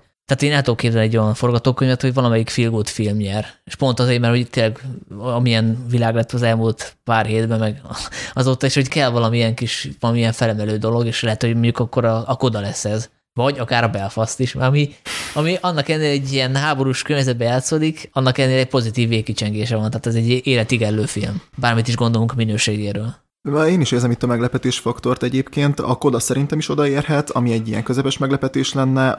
Én még azt gondolom, hogy a Licorice Pizza is odaérhet, ami már egy fokkal talán nagyobb meglepetés lenne, és, és a vezes helyettem is odaérhet, ami, ami mondjuk az élősködők diadalmenetét látva talán nem, nem feltétlenül lenne olyan hatalmas meglepetésnek nevezhető, meg, meg ugye úgy, hogy imádják azt a filmet tényleg mindenhol, de a papírforma az egyértelműen a kutyakarmai közt díjazása lenne. Aztán majd megkapja, ne néz fel, aztán mindenki néz, hogy Szerintem is a Koda fog nyerni. Én, én nekem van egy ilyen megérzésem, hogy, hogy egyszerűen annyira ilyen feel good film tényleg, hogy, hogy ezt fogják, ezt fogják így sokan nagyon magasra tenni. Egyébként a Licorice pizzának kéne nyerni. Egyetértek, abszolút. És amúgy kihúztam volna a Rémálmok sikátorát és a Green Knight-ot tettem volna be helyette. Kihúztam volna a rémámok sikátorát, és a Daughter tettem volna a helyére. De amúgy szerintem a kutyakarmai fog nyerni. Szerintem itt működni fog a papírforma, és ebből a szempontból talán kicsit unalmas is lesz négy órás közvetítés végén azt látni, hogy a- ez a film kapja, de közben meg szerintem megérdemli, szóval nincs ezzel probléma. Én a Belfastot húznám ki rengetegszer, négyszer áthúzva, és betenném a helyére a Spencert ebbe a kategóriába. Jó, szuper. Akkor szerintem végére értünk, ugye? Nagyjából. Jó, hát akkor lehet, hogy majd visszatérünk a következő adásba, így összesítjük a tippeket, hogy kinek sikerült legjobban eltalálnia. Te meg majd számolod a pénzt. Simán lehet, hogy a, King Richard hoz egy olyan meglepetést, mint annó az ütközések hozott, hogy így semmit nem nyert, viszont azt elnyerte, és, meglepetés. és gyűlölték az emberek, hogy pont ez a film nyert. Szóval én még abban is látom a, a meglepetés esélyét, hogy ott a King Richard még ott kap valamit, bár nyilván nem az a legjobb film. Ez Nem, abszolút nem lefutott a meccs, és tényleg eszembe jutott az az év, amikor az élősködők kapta meg, hogy akkor, akkor is ott az volt, hogy mindenki azt mondta, hogy jaj, hát az 1917, mert hogy biztos az lesz, és, és ott azért ott azért nagyon, hogy ut, ha utólag visszagondolunk, akkor nagyon ott volt a levegőben, hogy nem volt azért egyértelmű favoritja akkor sem annak a kategóriának. Mm, Vagy hát annak a, annak a top, akkor azt hiszem 8-as vagy 9-es mezőnynek. Úgyhogy, úgyhogy simán lehet, hogy simán lehet, hogy húz egy váratlant az akadémia ezzel a Meg a, hát a, a, nagy, a nagy Warren Beatty is Baki, ott ugye az volt, hogy a La La Land hát hitte mindenki, hogy nyerni fog, és akkor mondta is, hogy La La Land, és felmentek a színpadra, és aztán ott derült ki, hogy nem az, amelyiket mindenki várt, hanem olyan gyakran eszembe jut ez, ez Hát a... az ki- legendásan kínos volt, és Igen. ráadásul pont előtte volt egy ilyen riport a borítékőrzővel, és egy ment is a, már akkor a social médiában, hogy igen, elősen fordulhat olyan, hogy rossz boríték kerül kezekbe, és ez, ez lehetetlen, és akkor hm, hoppá. Jó volt. Az pont a mindenkinek az évében volt, erre emlékszem, mert azt még néztük élőben, és azért mi, mi, mi történt ott a végén? Jó volt. Végül Sipó Zsuzsanna miatt lehet, hogy fent kéne maradni az idei Oszkáron. Hát én már mindenki miatt sem maradtam fel, úgy voltam, hogy egy rövid filmért nem, nagy játékfilmet esetleg. De hát az odzok biztos, hogy mindenkire mutattak még így sem. Azért mondom, hogy valószínűleg nem, mert nem emlékszem erre a, a cserére a végén. Tehát akkor valószínűleg, vagy, vagy elaludtam addigra, már az is lehetséges. Igen. Nekem abból a szempontból elég könnyű, hogy itt uh, ez vasárnap esti program, és szerintem minden másik kocsmában van valami. Itt azért ez ilyen nemzeti sport, hogy megnézik az Oscar. Ilyen tematikus koktélokat szoktak csinálni, meg ugye mindenhol van ilyen tippelős játék. Hogy ez nem egy nagy, nagy trüváj. Tavaly én úgy néztem, hogy egy ausztrál csatornát streameltem, mert hogy a helyi M1 az fizetős. De idén, idén lehet, hogy most kimarad, nem tudom. Hát, hogy menjek koktélozgatni egy ilyen quiz night-ra. Ja, ja. Hát így háttértévezésnek el tudom képzelni, ugye. Mert az, hogy élőben végignézem a reklámokat, az így nem tudom erős. A kocsmába is fárasztó, szóval ez négy óra, azt hiszem most már visszanyestek, de hogy azért hosszú. Tehát, hogy így még ha elmész sörözni egy vasárnap este, azért most nem fogsz meginni 5-6 sört, mert másnap tudom, munka van, stb. De így háttérbe szerintem jó, hogyha így megy, és akkor így néha így rácsodálkozol valamire. Egyébként Magyarországon is vannak elvétve ilyen Oscar bulik, mondjuk a, a Saul fia évében több is volt, ott én például így egy ilyen kocsmai közönséggel néztem, és az, így, az egy nagyon jó élmény volt, nyilván a, a díj miatt is, de úgy, úgy egyébként is. Meg én például Szegeden jártam nagyon sokszor úgy, hogy egész nap mentek az Oscar filmek, és akkor utána megvetítették a gálát a moziteremben, és akkor így ezt így lenyom, megnéztünk négy filmet, és utána beültünk a gálára, és volt egy ilyen ö, ünnepi jellege a dolognak. Hát azon mindenki elaludt azért a négy film után, nem egy Oscar Hát nem gáláig. mindenki négyet nézett meg, de, de egyébként igen, hát ez így bele lehetett szundítani egy kicsit, de kényelmes a mozi, úgyhogy nem volt rossz. Jó, hát akkor várjuk a hétfő hajnali Oscar átadót, és megnézzük, hogy kinek mennyire sikerült bele találnia a tutiba. Köszönjük szépen Ákosnak, hogy először eljött hozzánk. Köszönöm még egyszer a meghívást. illetve Jankának, hogy helyettesítette Dénest. Szerintem nagyon jól sikerült, úgyhogy lehet, hogy, lehet, hogy Dénes már vissza se hívjuk. Helyes, helyes. Esetleg a fizet azért, hogy itt lehessen. És Zoli, te meg mehetsz a bölcsődébe, elengedünk most már Jó, még a három órás, három órás adásnak. Ja, megyek, igen. Jó, úgyhogy köszönjük szépen a figyelmet, és írjátok meg a Filmvilág Podcast Facebook oldalán, hogy nektek kik a favoritjaitok. Köszönjük a figyelmet, sziasztok! Sziasztok! Sziasztok!